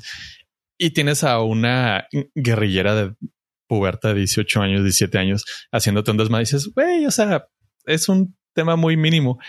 Y lo que me gustó mucho de Loki, sobre todo este episodio, es que dices, ok, esto es grandilocuente. O sea, otra vez hay, hay un desmadre súper más complicado y cósmico que no entiendo ni madre, pero se nota que si va a valer madre, va a valer madre otra vez a proporciones grandísimas, lo cual creo que tendría sentido en el, en, pues no sé, en, que vayan escalando las cosas. Digo, si tu máximo fue Thanos y el que sigue, pues va a ser, no sé, o sea, el, un narcotraficante, pues dices, no mames, o sea, pues está pelada. Y que te muestren así todo un universo de que no, es que ya el tiempo y el espacio y las madres y de aquí y de acá y aquí va a salir un cabrón muy, muy, muy villano que puede destruir galaxias. Ok, o sea, ya siento que hay necesidad otra vez de grandes superhéroes, no nada más un detective. Y eso me gusta. Eso me gusta de, de, Loki que volvió a abrir ese universo de this shit is gonna be huge. Y nada más, o sea, en ese sentido estoy muy ahí. Puede no funcionar totalmente, pero eso me gusta. Pero no he visto no he visto todavía cómo va a conectar ni quién va a ser el supervillano a grandes rasgos, pero hasta ahorita eso me gusta. Es que realmente yo opino que con los Guardianes del Tiempo, no sé si se acuerdan de la de Iron Man 3, que fue una, una cagada en mi opinión. Iron Man 3 es como de las películas que menos me gustan, pero esa revelación del mandarín, al final y que te dicen que qué clase de villano es, que al final no es un villano, es como un actor o whatever. Eso me decepcionó y me enfureció a la vez. Y dije, ya, si la película ya no me estaba gustando, con esto terminan de, de acabar la tumba. O sea, es de las peores películas. Eso mismo sentí cuando revelaron como esto de los guardianes del tiempo, que eran como las máquinas o lo que sea y que no estaban ahí realmente. Entonces te confunde muchísimo con el argumento y, y también esta, esta onda como de no puedes estar como brincando en las líneas del tiempo y eso, o sea, realmente realmente no puedes hacerlo, va a haber eh, consecuencias, porque decían, o sea, puedes estar saltando y, o sea, se supone que no puedes hacer eso porque puedes alterar esa línea del tiempo o lo que sea, y hasta ahorita no han habido esas, esas eh, consecuencias reales, ¿sabes? Y yo digo, bueno, a lo mejor puede que en un futuro sí las haya, ¿no? Ya que, pasen algunos años o que pasen algunos meses, puede que ese evento que tú creías que no iba a afectar, afecte, ¿no? Esa es una. Y, y la otra es que realmente no han habido consecuencias graves para lo que les ocurre a los personajes. O sea, cuando los, ay, no me acuerdo cómo se llama, pero que los podan, creo que les dicen así, los podan, los hacen eh, que los mandaban, no, realmente no morían. Entonces, o sea, entonces realmente nunca pueden morir, nunca puede pasarles como algo que tenga consecuencias reales. Y eso, y que pues, ajá, lo que mencionas, o sea, no hay un villano directo o alguien a que puedas identificar como un villano directo o que puedas fácilmente identificar el conflicto de la serie porque me resulta muy confusa. Entonces, eso hace que le vaya perdiendo sabor y si a eso le sumas como la falta de argumento per se, o de guion, o de lo que sea, pues es todavía más difícil, ¿no? De como de agarrarle cariño. A estas alturas sí la pongo a competir un poquito más con, con Falcon and the Winter Soldier, pero pues Falcon and the Winter Soldier no terminó nada bien. O sea, fue como, empezaste así con todo y fuiste decayendo y terminaste mal. Eso le pasó a Falcon and the Winter Soldier. O sea, en resumen. en resumen, bien gacho. Y justo. Sí, justo. O sea, gacho porque estuvo gacho. Hoy. Pues mira, es que yo sí siento que tuvo, que sí tuvo su razón. Y digo, yo viéndolo desde el punto de que, güey, estás a punto de morir, güey. No necesitas mucho para poder congeniar con una persona. Digo, yo viéndolo de esta manera, ¿no? O sea, sí, sí fue plano porque no, no hubo mucha historia que contar en ese, en ese episodio que, que comentas. El que dice pollo que era de Doctor Who. Sí estuvo, pero estuvo muy para mí estuvo muy rápido, o sea, de que, o sea, tú puedes, uno puede decir, que yo también lo pude haber pensado, de que, güey, pues sí, ¿dónde está el plot? O sea, ¿dónde te enamoraste? ¿Dónde dijiste, ay, güey, claro, yo soy con ella, yo, yo pienso igual que ella? Pero estás a punto de morir, güey, o sea, o sea, claramente vas a congeniar con la última persona con la que estás y vas a, ser, vas a ser bro de toda la vida de esa persona. O sea, en este caso, pues casi, casi hasta que lo ve como amante de que está medio, medio enfermo eso, ¿va? pero pues bueno, ok. El siguiente que fue el que me quedé así de que neta, güey. O sea, el, para mí, el que le siguió de esa, que fue cuando estuvieron todo, casi todo en la, en la TVA, fue de, ah, órale, o sea, sí, pues empiezan a, desenvolver todo, como que empiezan a abrir así el, a quitar las capas y dices tú, ah, órale, o sea, órale, ah, órale, mira, no, no, hombre, no, hombre, son robots, ah, órale, güey. Ahí, ahí, ese me perdió a mí. Pero este último fue el que, a la madre, órale. Como dices tú, si no se sabe para dónde va, o sea, las, las ideales de cada uno se perdieron porque uno quería hacer una cosa, pero la otra dijo, no, por ahí no va. Ah, ok, sí es cierto. Eso se me hizo así como que muy poco, muy poco uh, pensado de Loki, que estamos acostumbrados a que sea siempre el, el que siempre tiene un plan. Como que ella le dijo, no, güey, por ahí no va el plan. Va así. Ah, ok, sobres. Ahí se me hizo como que algo medio meh, pero me sigue gustando un chorro. El simple hecho de para mí de haber metido los Lokis ahí, eh, el Loki viejito, o sea, se me hizo genial el casting. Eh, el Loki lagarto, uff, no manches, qué buena actuación. Sí, no. Increíble. Sí, es que eso fue lo que rescató, yo creo, el episodio pasado.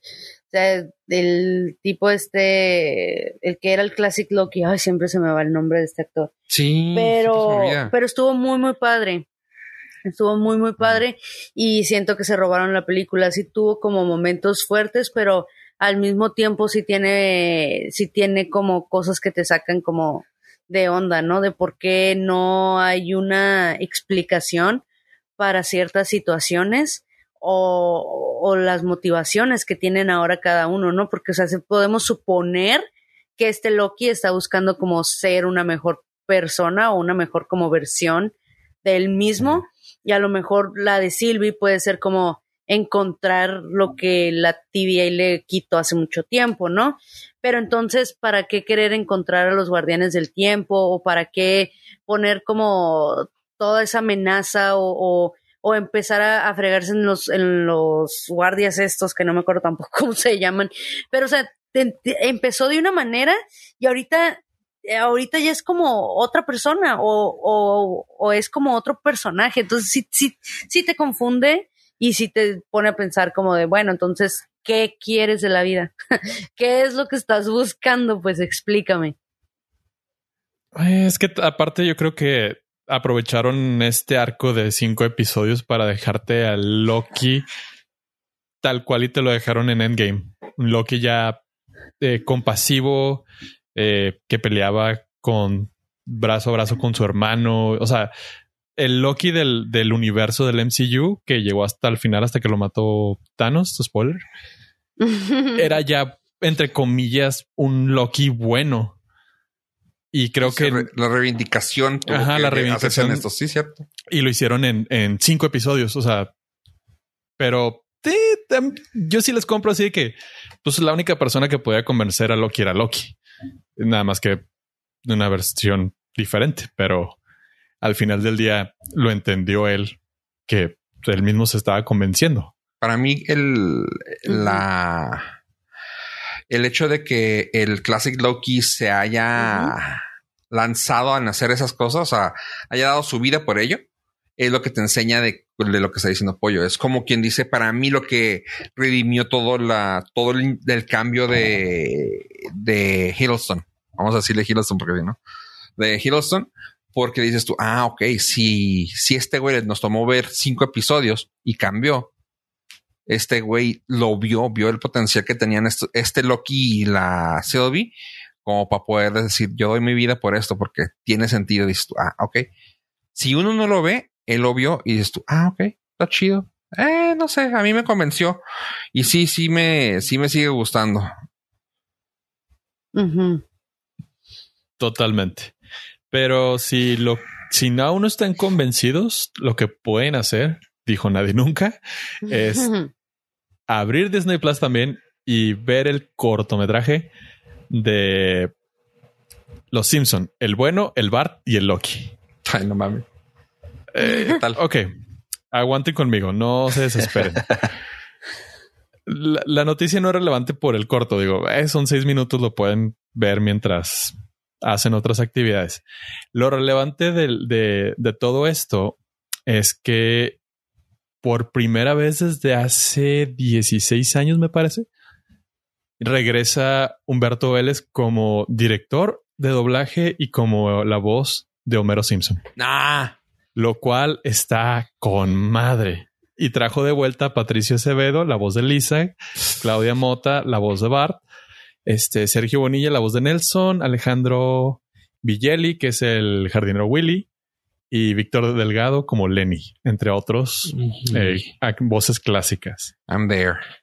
Super there. Ah, La noticia eh, es muy buena por el corto, pero también el rumor, digo, ya nadie le va a interesar, pero a mí sí me llamó la atención y voy a estar ahí. Han sido confirmados. Bueno, no, han sido rumora- rumoreados, más no confirmados, para que se encarguen del doblaje de la temporada 33 y 34. Oh, wow. Sí, sí vi como la notita que salió ahí y dije, oh, wow, lástima que hace muchísimo tiempo que no veo a los, o sea, no veo los Simpson. O sea, que le empecé a perder como interés. Y yo los miraba, los miraba en inglés y los miraba en español. O sea, no me era como indiferente ninguno de los dos.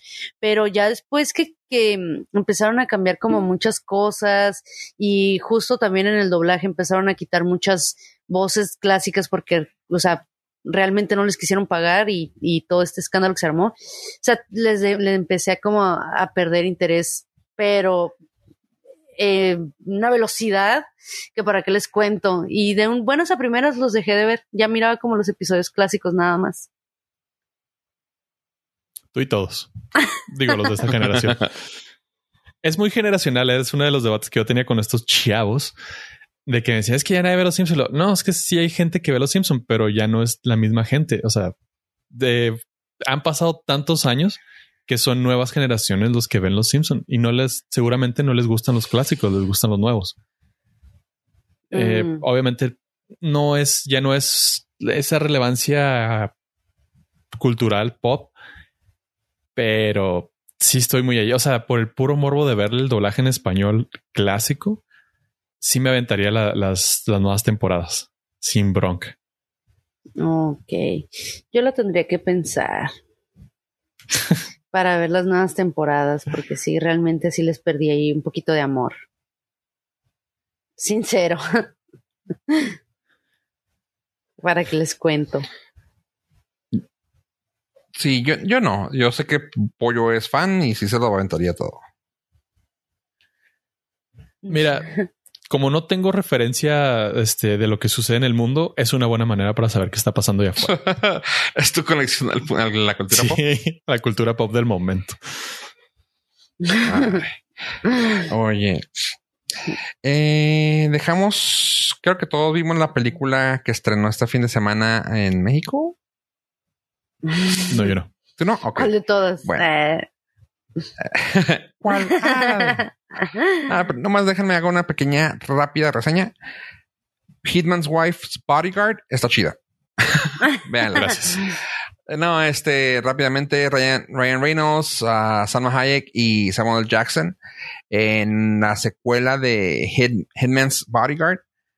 Eh, está padre. Sí, dicen que es la, la uno, pero con más, más exagerado.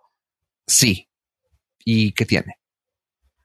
La primera me gustó un chorro, se- sea lo que sea, tener a, Ryan, Ryan Reynolds con este Samuel Jackson es una joya. Estarlos viendo en pantalla, pues teniendo esa la interacción. Ahora que se suma esta Salma, está muy entretenida porque también alcanzas a ver a Salma, pues ser ella. Es lo que se me hizo chida, que le dieron así como que luz verde, di, tus cosas.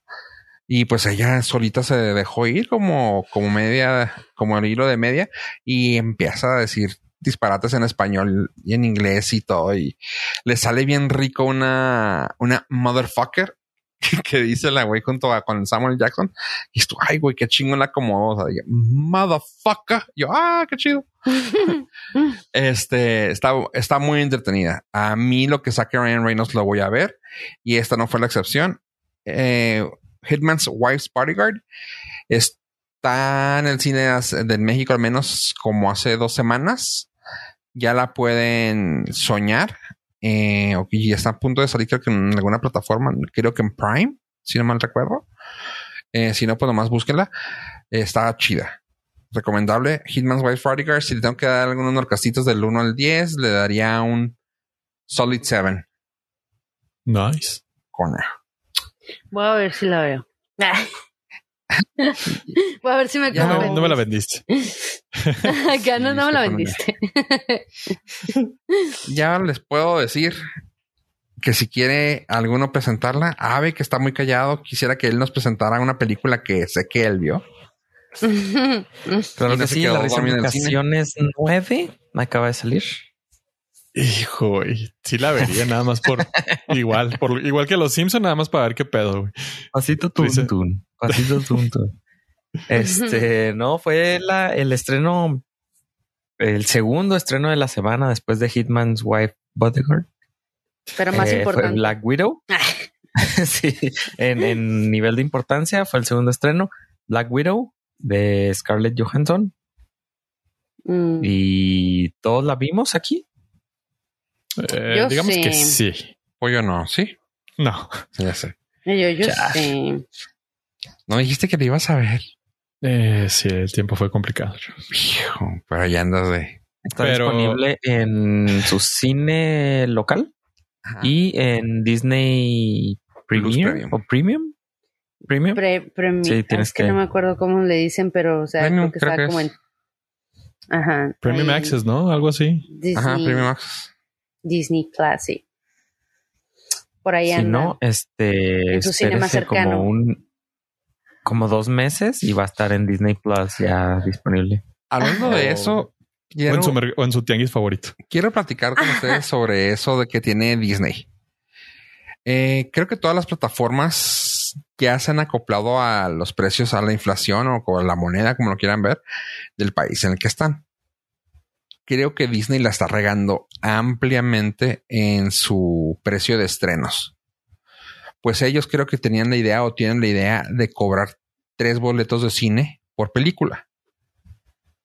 O sea, casi todas andan en 35 dólares, si no me recuerdo, 30, 35 dólares. Sí, como 30 me parece.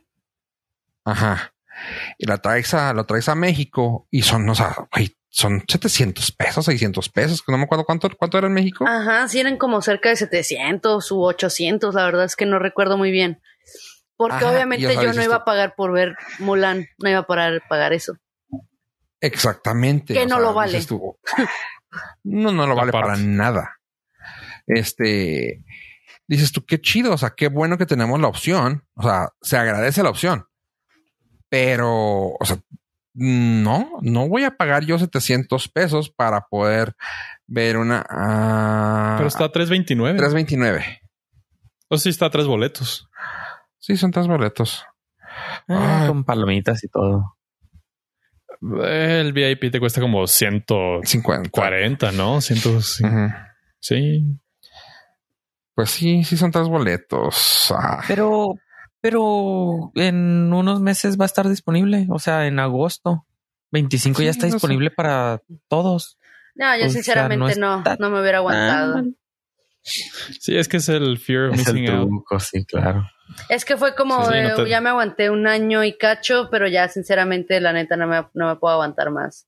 Y me aventé, pero al cine a verla ayer. Dije, bye. Y sí. Yo también. Y luego resulta que está, ya estaba disponible. Ya. Creo que es, creo que sí vale la pena, ¿no? O sea, si la experiencia cinematográfica de esta película sí te, no sé, como que te llena el corazoncito del MCU. No, es que esta sí está bien verla en el cine. O sea, la verdad, sí. no hay comparación. O sea, por más películas espectaculares y por más eh, pantalla cool que tengas en tu casa. O sea, el cine es el cine y esa, esa experiencia yo no la cambiaría todavía por, no, o sea, no la, no, o sea, simplemente no. Díganme como old fashioned o algo así, pero no, el cine es el cine. Ya cuando ves películas en tu casa se le llama de otra forma, paquetonear o no sé. Lo, lo curioso es de que ella, ella cree que ella es la rara, pero no. O sea, eso es lo correcto. ¿Qué? Sí. sí. o sea, yo no cambiaría nada. Yo no cambiaría nada la experiencia de no salir de mi casa y poder verla aquí. obvio no aplica para todas las películas. O sea, hay películas que tú dices, las puedo ver en mi casa.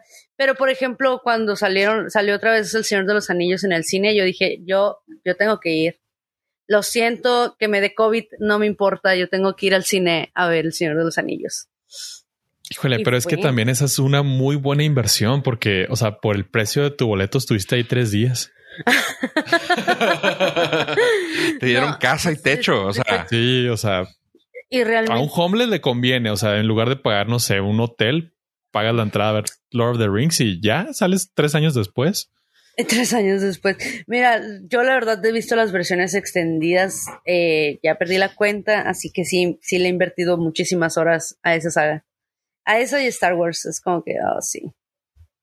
A ver qué, qué sale. Pero no, no sé qué les haya parecido, si quieren, este, como un comentario general de la película, porque realmente no hay que dar spoilers. Tenemos un invitado que no la ha visto.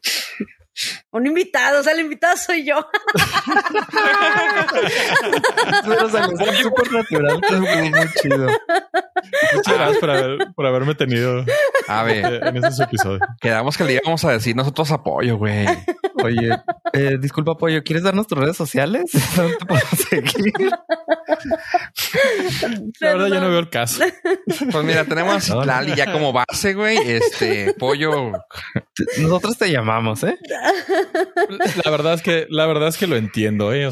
Puedes pasar a dejar tu micrófono en la sala de. Disculpen, se me salió. Era, el movimiento natural del norte. La costumbre. Era ahora. No, no, no, no, no, no. Está bien, está bien. Gracias. Gracias por decirlo. Porque sí, no teníamos corazón para decirlo nosotros, ¿eh? Yo la costumbre. No teníamos corazón para decirse el apoyo. oh my God. Y solamente por eso ya spoileré en la okay. Pues siento que no hay mucho que spoilerear, ¿no? Pues no es spoiler, no es spoilerable porque eh, spoiler se muere. Pues es que de, verdad, de verdad pues es que llega en muy mal momento, yo creo, esta película. O sea, mm, a mí me gusta uno de, los, de mis personajes favoritos del MCU es Black Widow. O sea, yo la amo y adoro a Scarlett Johansson y todo, pero o sea, cuando digo que esta película llega en muy mal momento es porque debió haber sido después, justo después de Civil War. Porque, o sea, pasa, ahora ya la pusieron hasta aquí y con un año y medio de retraso producto de la pandemia o lo que quieran, pero la ponen ya, según ellos, en medio de dos, de dos este, películas, o sea, grandísimas del universo de cinematográfico de Marvel, que es, o sea, Captain America Civil War y pues Infinity War. Y obviamente ya sabes qué pasa antes y obviamente ya sabes qué pasa después y yo siento que pierde como parte del impacto esta película y que llegara entonces. Es una forma diferente de hacer storytelling. Ahí yo discrepo poquito contigo. O sea, es un tipo de storytelling que se ha hecho anteriormente. O sea, lo hemos lo estamos viendo con Star Wars.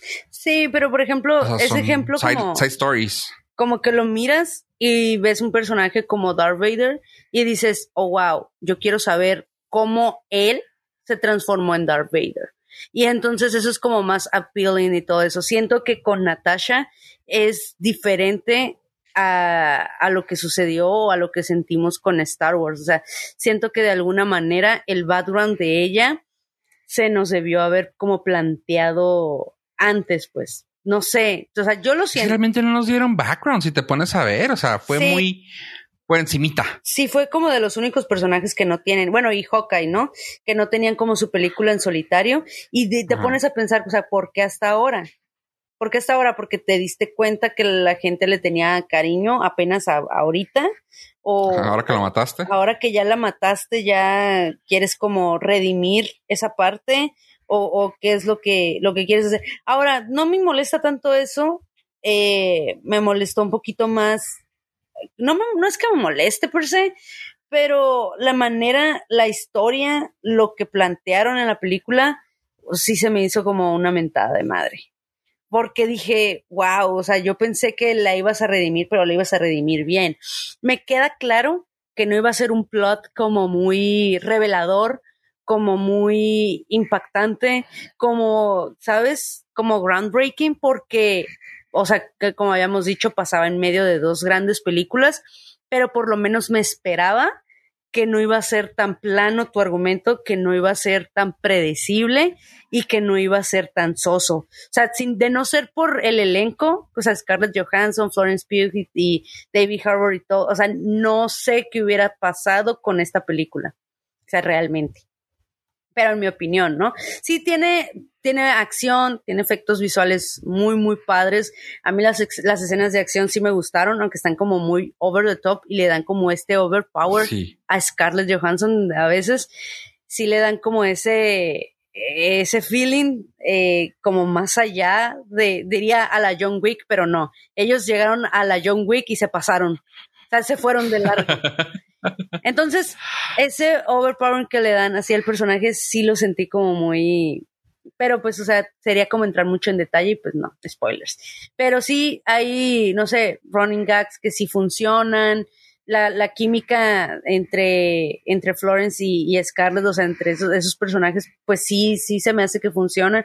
Los créditos iniciales se me hicieron muy sorprendentes, o sea, me encantó todo eso. Hay muchas cosas que sí estuvieron muy, muy bien en la película porque no fue, en mi opinión, como un completo fracaso. O sea, no está así que digas, ay, no, está malísima, o sea, no, pero sí tiene como varias observaciones que se le pueden hacer. Cierro diapositiva. Falta hacer el grupo de uno y tres grupos Sí. de uno. sí.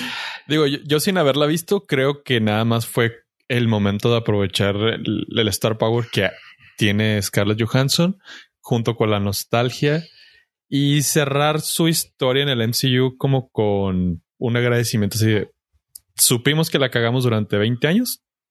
Gracias. Ahí está tu película. Sí, sí fue eso y yo lo agradezco. O sea, sí, sí, claramente yo lo sentí también igual. O sea, eh, pero eh, como soy Marvel, soy Marvel's bitch, o sea, güey, agradezco lo que hagan, güey. Se me hizo una película muy predecible. Sí, o sea, güey, The Raid, eh, John- juntas John Wick con, con este güey de, ah, ¿cómo se llama Liam Neeson en la de I Know Who You Are? Ah, Ah, la el búsqueda. La- implacable. Ese. implacable. Ajá, la Taken. Lo juntas a John Wick con él y le pones poquito neo de Matrix, güey, y ahí está, güey. O sea, es una piola parada, güey. O sea, no, no, no, no, no le hacen nada, güey, las balas, güey. Es que también tiene mucho. Creo que eh, esta directora no, no conozco mucho su trabajo, no estoy como muy familiarizada con el trabajo de la directora, pero sí dije, güey, ¿cómo le das un proyecto así de esa magnitud a una directora que no tiene como mucha experiencia mucho background en la industria? Pero pues eso es como eh, aparte, ¿no? Porque realmente sí creo que al final de cuentas sí hizo buen trabajo. Pero Sí, yo. está, está muy padre su dirección, pero, Pero- su, el- la persona que se los escribió Ajá. se me hace que también tiene mucho que ver Sí. porque sí estaba, over- como dices tú, overpowered. O sea, tenía handicap cabrón. O sea, No, no, no, es que tendríamos que decir tantas cosas de ese overpower, pero no. Yo, yo digo así de, no, no podía. Eso está así como muy over the top. Y sabes qué pensaba a veces, como que quisieron hacerle mimic a, la, a las películas de los rusos, de los hermanos rusos. Me sentía como ese vibe de, Ah. de Winter Soldier, de, de Captain America Winter Soldier, y decía yo, sí, ¿quieren hacerla así? sí va por ahí, sí va por ahí como tipo spy movie, Ajá. pero queriendo ser eh, sin superpoderes y todo, pero dices tú, dude, o sea, estás hablando de que esta, esta una de las mejores, ah, ¿cómo le llaman? Fighters, luchadoras, es que luchador se ve muy, muy raro. ¿verdad? Peleadoras. Peleadoras o arte marcialista, como quieras llamarle, en el MCU. Bueno, más bien en, en sí, en Marvel, hay como 10 que yo me puedo imaginar y ya está en uno de los 10, o sea, punto. El Capitán América, el. Taskmaster, ella, Wolverine, y puedo seguir la lista, ¿ah? pero ella está en el top. Sí, ok, perfecto. Sí, sabemos que es el top, pero ¿por qué la entrenaron los agentes del Red Room? Y tienes a 40 morras del Red Room partiéndose la madre, pero ella puede con todas. O sea, a ver, güey, entonces, ¿qué te hace especie? ¿Qué te hace ta- ser tan chingona que puedas ganarle a 40 morras, güey, encima de ti? Ser Scarlett Johansson. No, no, pues sí, o sea, eso los, eso los mata, güey. Pues es que puede, puede ser, ya sabes, ¿no? El efecto soy la protagonista y estas morras apenas están aprendiendo cuando yo ya tengo como mil años de, de, ajá, de, Y de peleé con entrenamiento. Thanos y la- ah, no, todavía no de, peleas, ajá. aparte pues ella es una Avenger, sí, entonces se lo puedes entender, pero al final, o sea, en esa escena sí ya después la estaban sobrepasando y, y por ahí hay algo, ¿no? Que, que, que es como, como un, de, de- ¿cómo le llaman? Un D- DX ex machina o algo así, cuando Sí, sucede algo como, ándale, pues algo así sucede por ahí, pero no, no puedo decir. pero pues es como, de todas maneras te lo, te lo imaginas, ¿no? Y sí siento como esa, ese vibe como de espías. Y ahora no me hagan empezar como con el villano, ¿no? O sea, siento que para empezar, a, a David Harbour lo, lo, lo desaprovechan, pero muchísimo, ¿no? Ay, horrible. Muchísimo. Yo creo que pudieron haber hecho muchísimo con él y lo desaprovecharon totalmente. Y otra cosa, Sí. otra debilidad que yo detecté es el villano. Que no puedo decir más, no puedo decir mucho del villano, pero o sea, el Taskmaster, el Taskmaster que pusieron aquí fue como de, mm, me dejaste mucho a deber, pero- Sí. Ajá. pero Dilo, dilo, dilo. pero eso pasa constantemente con los villanos de Marvel. Me pasó con Ultron, me pasó con, al- con el mandarín que pusieron, me pasó y me sigue Ay, no. Es una debilidad ya de que, que es como una firma, como es el signature de Marvel, tener malos villanos en el MCU. El único que vale la pena, yo creo que hasta ahorita tiene todos mis respetos, es Thanos. Michael. No, y Michael Jordan, ¿no? Bueno, o sea, pero te pones a como a comparar. Sí, a nivel, así. a nivel así de. Sí, sí, sí. sí. Entonces, el que ¿Sabes más trasciende. Eh, Sabes que aquí el hecho de que el villano no se me hacía tan malo, pero este, como es un o sea, ¿qué se puede llamar? Es el la mano derecha, la mano, el chalán del villano, porque así lo pusieron. Ajá. eh, se me hizo mal. O sea, cosa que podrías decirme, ok, este es el Big Bad, pero vamos a, vamos a poner al Taskmaster como alguien que valga la pena decirle la historia, güey. Y a mí, y yo sé que la hizo una mujer, pero se me hizo una mamada quitarle el protagonismo a un hombre. O sea, ¿por qué? Porque se me hizo encariñarte cosa o, o hacer algo que no debían haber hecho como haciendo una mujer. O sea, no se debe haber tocado el corazón. O sea, no, punto. El- si Ah. hubiera sido un hombre, hubiera sido mejor porque hubiera sido más, más fuerte, más contundente. El, le tengo para que partir su madre. Y aquí fue así de que, ay, no, es que es una amiga. O sea, no, güey. O sea, no. Detente. A mí no me gustó Y eso. yo acá, no, detente, estás a punto de dar un spoiler. Ah. Ah, y yo sí cu- cuidando a quien no ha visto la movie, ¿no? Nada, no es cierto. Pero Ah, pues que realmente no estás diciendo nada más que cambiaron el sexo de un, de un villano, güey, punto. Y Pollo no sabría eso.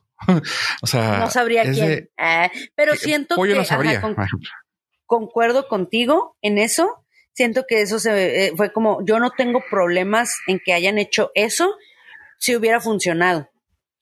Ajá. Pero, pero no, no funciona. Es nada Pero se aventaron como- un Marta, güey. O sea, se aventaron un. Marta. Para mí se me aventaron un Marta. Eh, Es que tiene cargas emocionales descomunales así a lo pendejo en la película. O sea, las cargas de drama y, y las cargas emocionales y sentimentales en la película son ridículas las cantidades. O sea, no, no podía Sí, no yo tienen con que ellas. O ver. sea, o sea, no, no, no, no, o sea, sí son mujeres, sí pueden sentir, pero recuerda que fueron entrenadas y que fue, o sea, para controlar sus emociones y para esto, y para- eh, no, no, no, no quiero que esté llorando. es la mejor asesina del mundo de Marvel. O sea, No la que, quiero "Ay, ver llorar. éramos familia.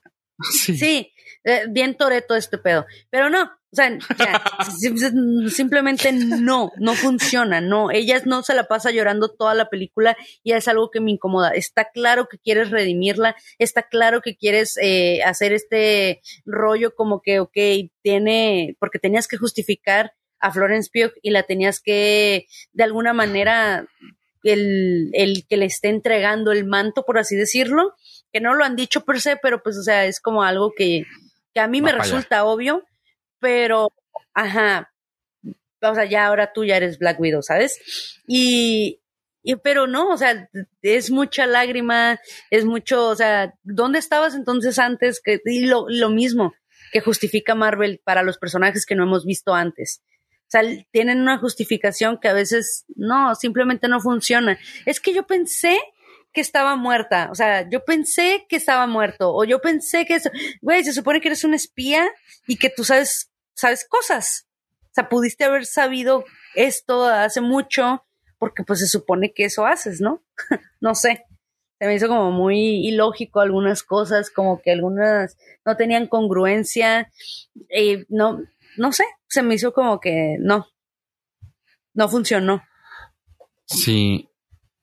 A, ver. Eh, concuerdo en todo, todo lo que ustedes dijeron, más dos escenas, dos tomas que no debieron de haber sido a su parte, este, donde no sale su cara. Ahí, pues, pues súper irrelevantes, pero. Ah, ¿cuál es como gratuity shots? cuando está agarrando, está saliendo de la casa que va a subirse al carro porque se le acabó la gasolina. Ah, ok. Dudé que fuera una directora mujer. Dije, ah, ¿por qué esas tomas no tienen nada que ver? Pero bueno. Ah, sí. O sea, a mí se me hizo eh, toda esa secuencia hasta donde llega el puente. Dije, dude, ¿cómo supo? ¿Cómo, supo que estaba ahí? O sea, ¿y por qué, ¿y por qué no, no, o sea, no atacó antes?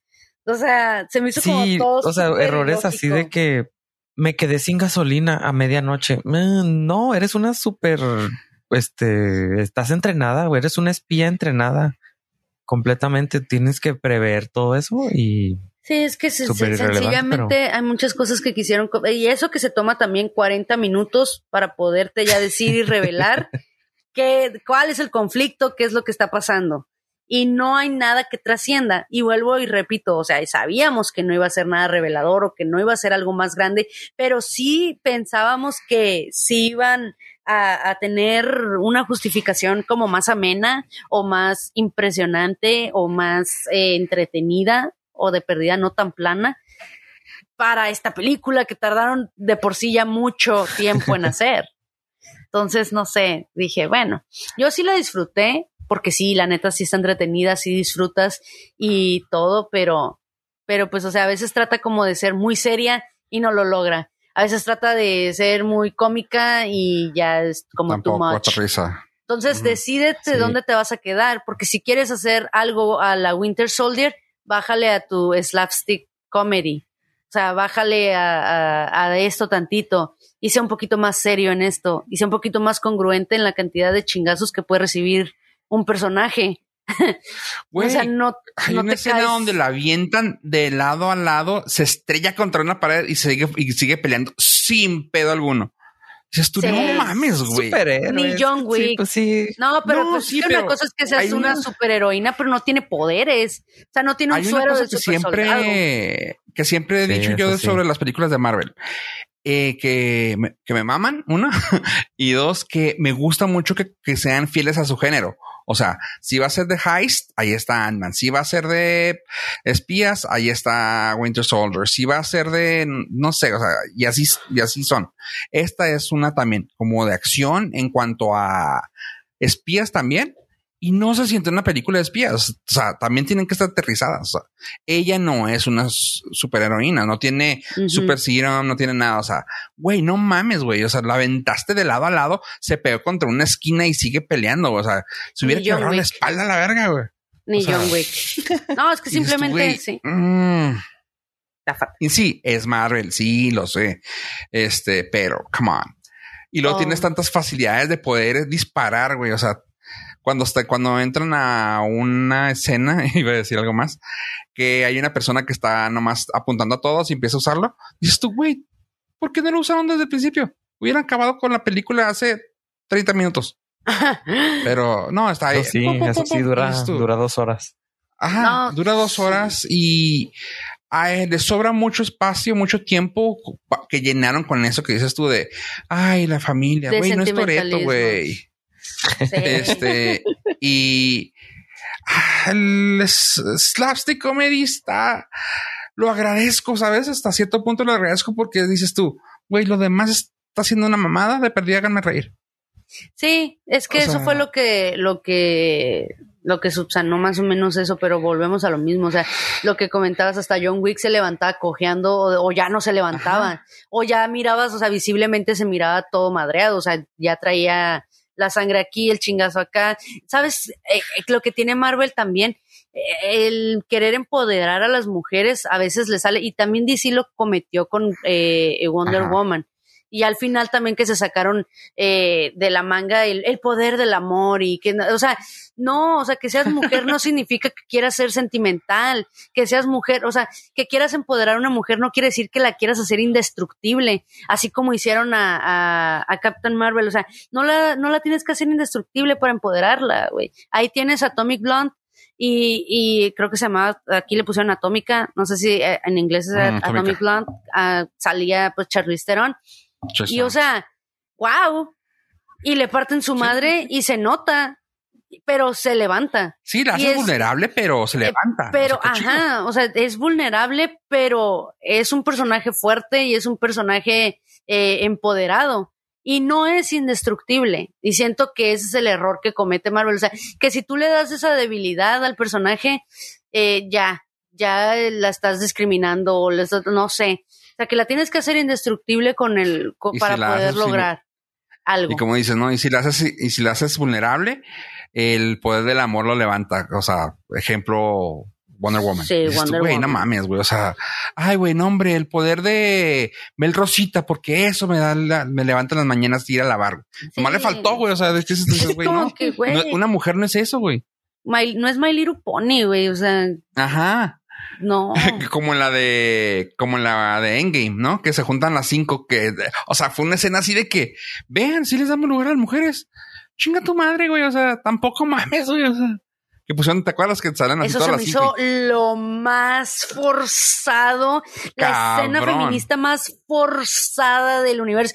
Y sí, muchas mujeres, no mames, qué perro, y qué chingona escena, y, y, y que, o sea, sí, estuvo, estuvo bonita, güey, pero estuvo bien forzada y se notó y eso le resta impacto. Eso le resta, porque me sea- estás diciendo a mí que así es tu manera de quererme empoderar.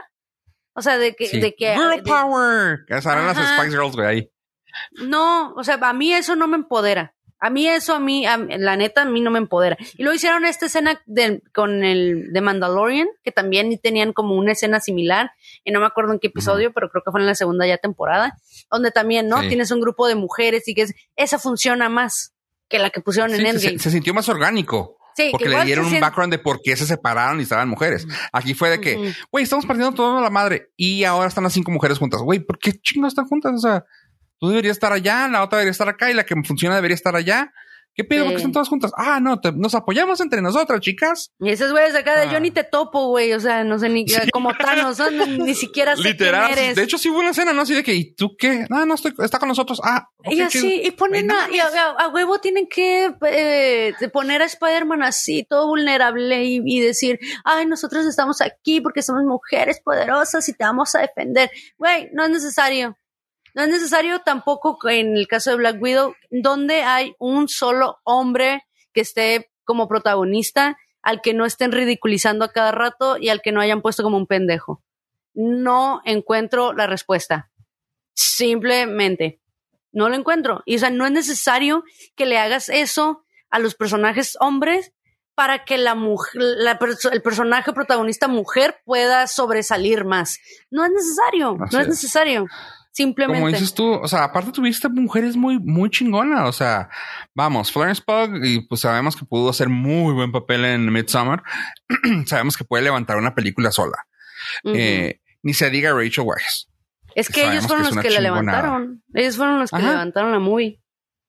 Sí, o sea, eh, habían, habían mujeres bien cabronas, hasta, hasta Olga, que aunque no les salió tanta la cara, Hola Kurilenko sabemos que está chingona. Este, pero también tienes hombres, bueno, pues, el único hombre que, a mí se me hizo famoso era David Harbour. Y como dices tú, lo ridiculizaron al punto de, ay, soy un hombre pendejo más con poderes. Eh, sí, o sea. Sí, ese personaje tenía para un chingo no salía y cuando salía era este pendejo ególatra, ¿no? De, ay, mis días de gloria y que yo y que la madre, que porque realmente no tuvo su momento de gloria y siempre había soñado como con eso, ¿no? No es necesario que los sobajes así, o sea, ya sabemos qué pedo, y luego ponen como esa tensión tipo Guerra Fría, que tenían con Cuba y la Unión Soviética y eso, pero ya en un contexto como más actual, porque pues 1998 o 95, no me acuerdo. Entonces ahí lo pusieron como más hombre de casa, ¿no? Como algo más, eh, eh, te lo empiezan a pintar ahí como un poco más em, diferente, no sé cómo explicarlo. Y ya después lo deconstruyen a la mala. Ya después lo ponen como un completo pendejo. Güey, ¿qué pasó de aquí a acá? ¿Por qué? O sea, no entiendo me presentas como un personaje que era completamente diferente en el inicio de la película y de repente a un héroe de ellos y todo y a lo mejor porque lo, lo, lo, metieron en prisión y eso pudo como mermar a lo mejor su su no sé y también el poder del amor lo hizo Softy y ya. Ah, sí no es que no tiene como mucho mucho ahí mucho hoyo en el guion tiene muchas incongruencias o sea tiene muchos detalles y siento que esta película tenía para dar muchísimo más. Porque, o sea, sí la disfruté, sí la vuelvo a ver y la disfruto y lo que quieras, pero no es, eh, no es algo que redima al personaje. No es algo tan bueno o, o, o tan trascendental. O sea, si así quería cerrar el ciclo de este personaje, no fue la mejor manera. O sea, simple y llanamente. Así. Oye, pues yo, pero sí vela, ¿eh? Definitivamente, este, me acaban de convencer de que no estoy tan seguro. Tiene 7.12 en IMDB. No, sí, mírala. o sea, sí, está, sí, está cool. chida.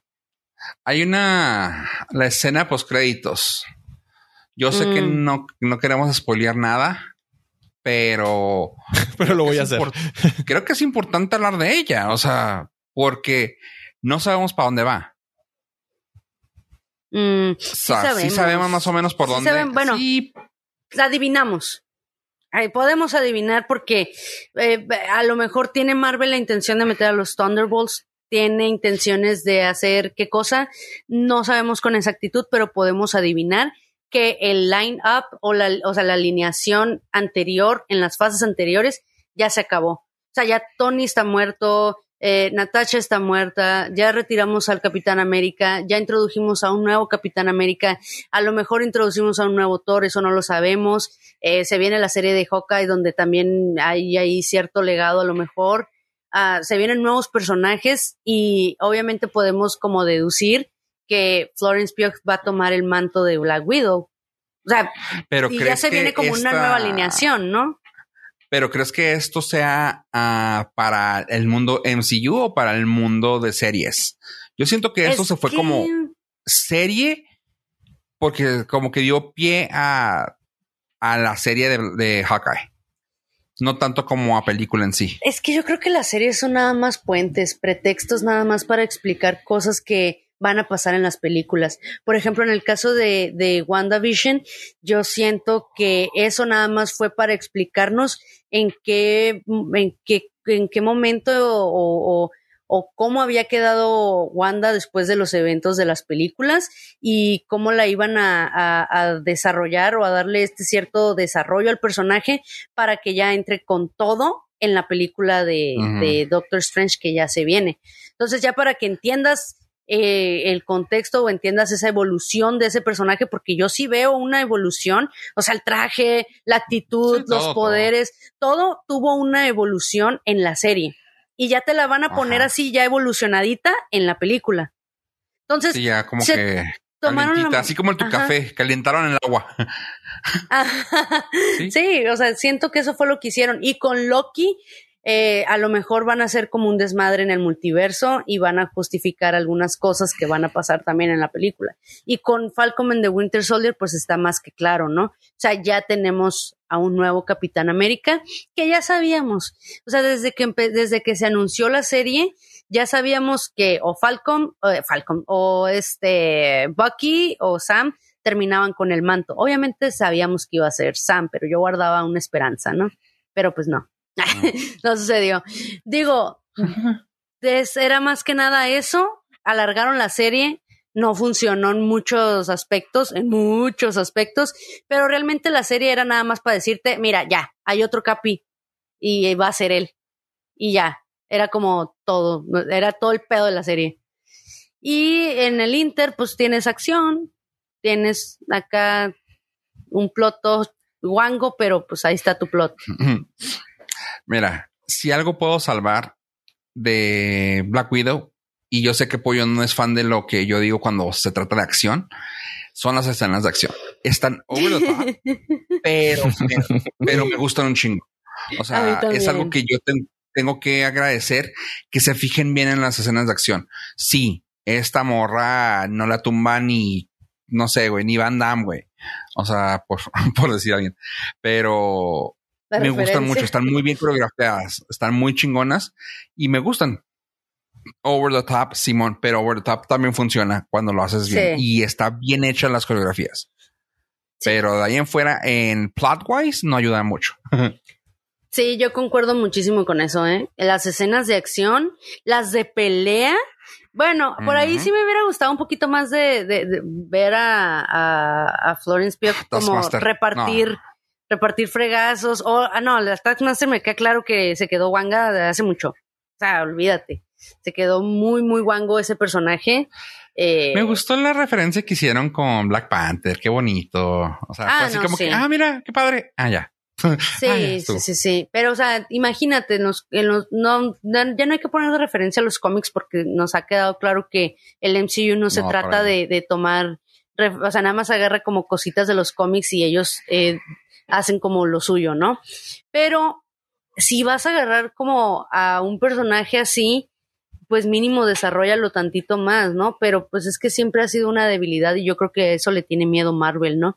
De poner un villano villano en sus películas, porque family friendly, ¿no? O, o no sé realmente por qué les dé tanto frío como poner un verdadero villano, así como que no mercy, pero pues sí, les da como mucho pavor a lo mejor poner un villano real. Sí, totalmente.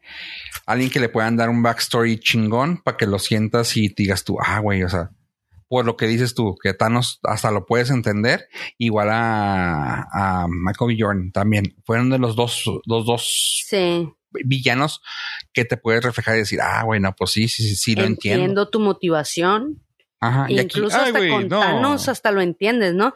Pero el otro, el otro que, bueno, el otro eh, hay uno, hay un villano que pues sí entiendes que está haciendo, ¿no? Que cuál es este, cuál es la motivación, pero el, el, otro es como que, ah, sí, pues, o sea, estás bajo el control o el mando de alguien más, pero de todas maneras pudiste ser mejor, ¿sabes? pero el poder del amor lo curó.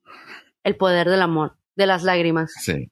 El poder del drama tipo Rosa de Guadalupe. Hijo, no me le faltó eso. Ah, así de que estuviera en el suelo y se, soltaba llorando y le cayera una gota así en la boca y ah, ya se curó. Y de Narnia no estés hablando, güey. Güey. A ver, ¿y tú cuántos norcasitos le darías a esta peliculota? Igual, siete. Sí, sí, concuerdo. Sí, sí, sí la tienen que ver. Sí está chida. Y ya nosotros somos ya payasos, ya. Nos, enfocamos en detallitos, pero sí, sí está. O sea, no es la nueva revelación, no es la nueva Infinity War, pero eh, está muy, está entretenida. Sí me entretuvo. Dura bastantito, pero eh, se pasa rápido. Sí, es que el plot, el plot que le pusieron no ameritaba tanto tiempo. Y como dicen por ahí, o sea, lo rellenaron con nimiedades y babosadas sentimentales. que eso fue lo que le dio en la madre, ¿no? Más que ¡Marta! Sí, oye, fatal. Pero pues está disfrutable. la verdad es que sí la vuelvo a ver. Sí me la ando comprando en DVD. O sea, sí, sí tiene buen fanservice. O sea, sí. O sea, mala, mala completamente no es. O sea, no, definitivamente. El, la, el, para mí, el gag de, de Florence diciéndole lo de la pose, güey. Para mí, eso fue para mí fenomenal. O sea, sí. Sí. Fue Te un digo que tiene rolling hermoso. gags muy, muy buenos. Lo aplaudí, lo reí, lo gocé. Y cuando hacen el comeback, dije yo, ah, huevo, güey. Está chido. Así Sí. que está suave. Sin extendernos así mucho, la pondrían en su mi- en su tercio de arriba, medio o tercio de abajo del MCU. Overall. Mira, mejor que Iron Man 3 y que Thor Ragnarok, sí, sí creo que sí es. Sí, yo la pongo en el medio. Es más, hasta pienso que está mejor que Avengers Age of Ultron. Creo. Eh, sí, sí, esos son los peores. Son los peores. que en mi opinión. Ragnarok, es, Ragnarok es muy buena. A mí no me No, gustó mames. Ragnarok. O sea, siento como que el Ragnarok era como dos. que, ay, es La el apocalipsis y todavía puedo hacer bromas. Ah, se está acabando Asgard y todavía me puedo reír. O sea, ¿what? No. O sea, sí. Es ¿A poco no- a mexicano, güey, no? es mexicano. O sea, claramente está viendo la muerte y se ríe de ella. O sea, está bien, se vale. No. Ah, ¿A te poco creas. tú no A mí Ragnarok mismo? para mí fue la mejor de Thor. La dos la sufrí. La uno me. Capitán América 3 también me. La 3 de Iron Man también.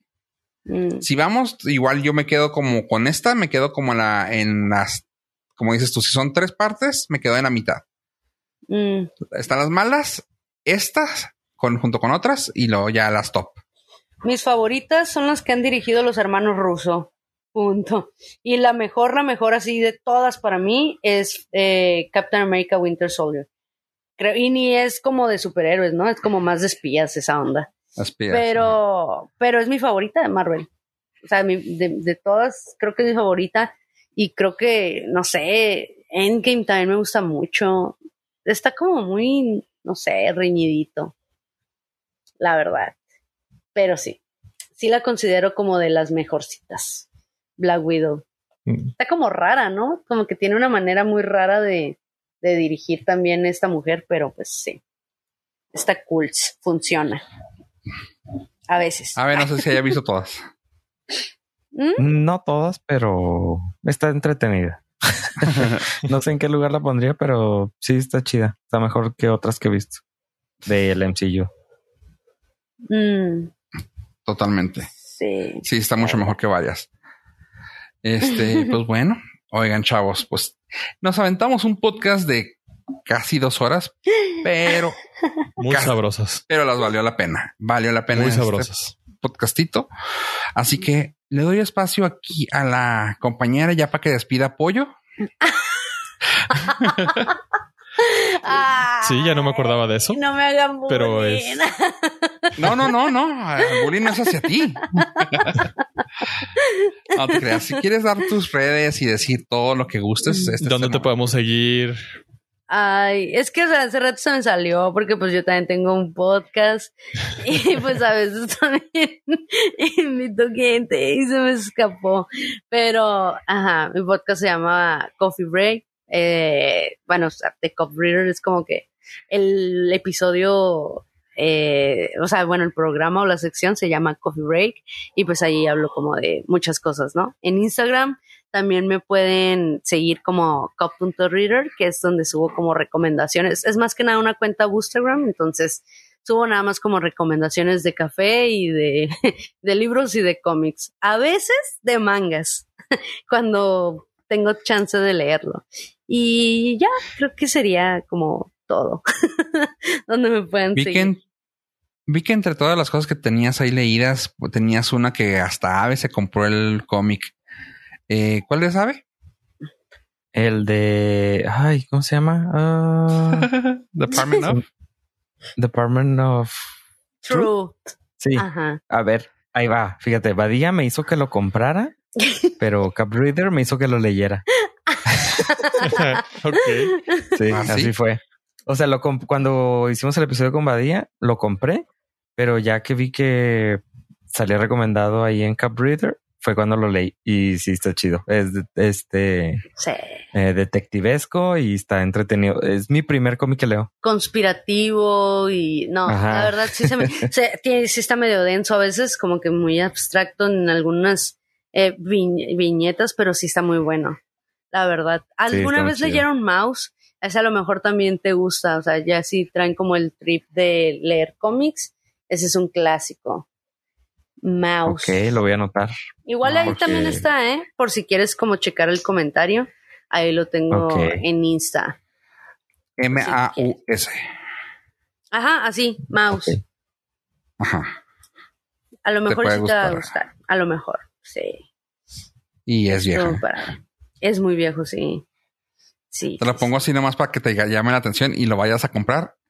Eh, es uno de los pocos cómics que gan- ganó el Pulitzer. De hecho, es el único, creo. Ok. Sí, va. De hecho, creo que es el único, sí. Es, es como muy famoso.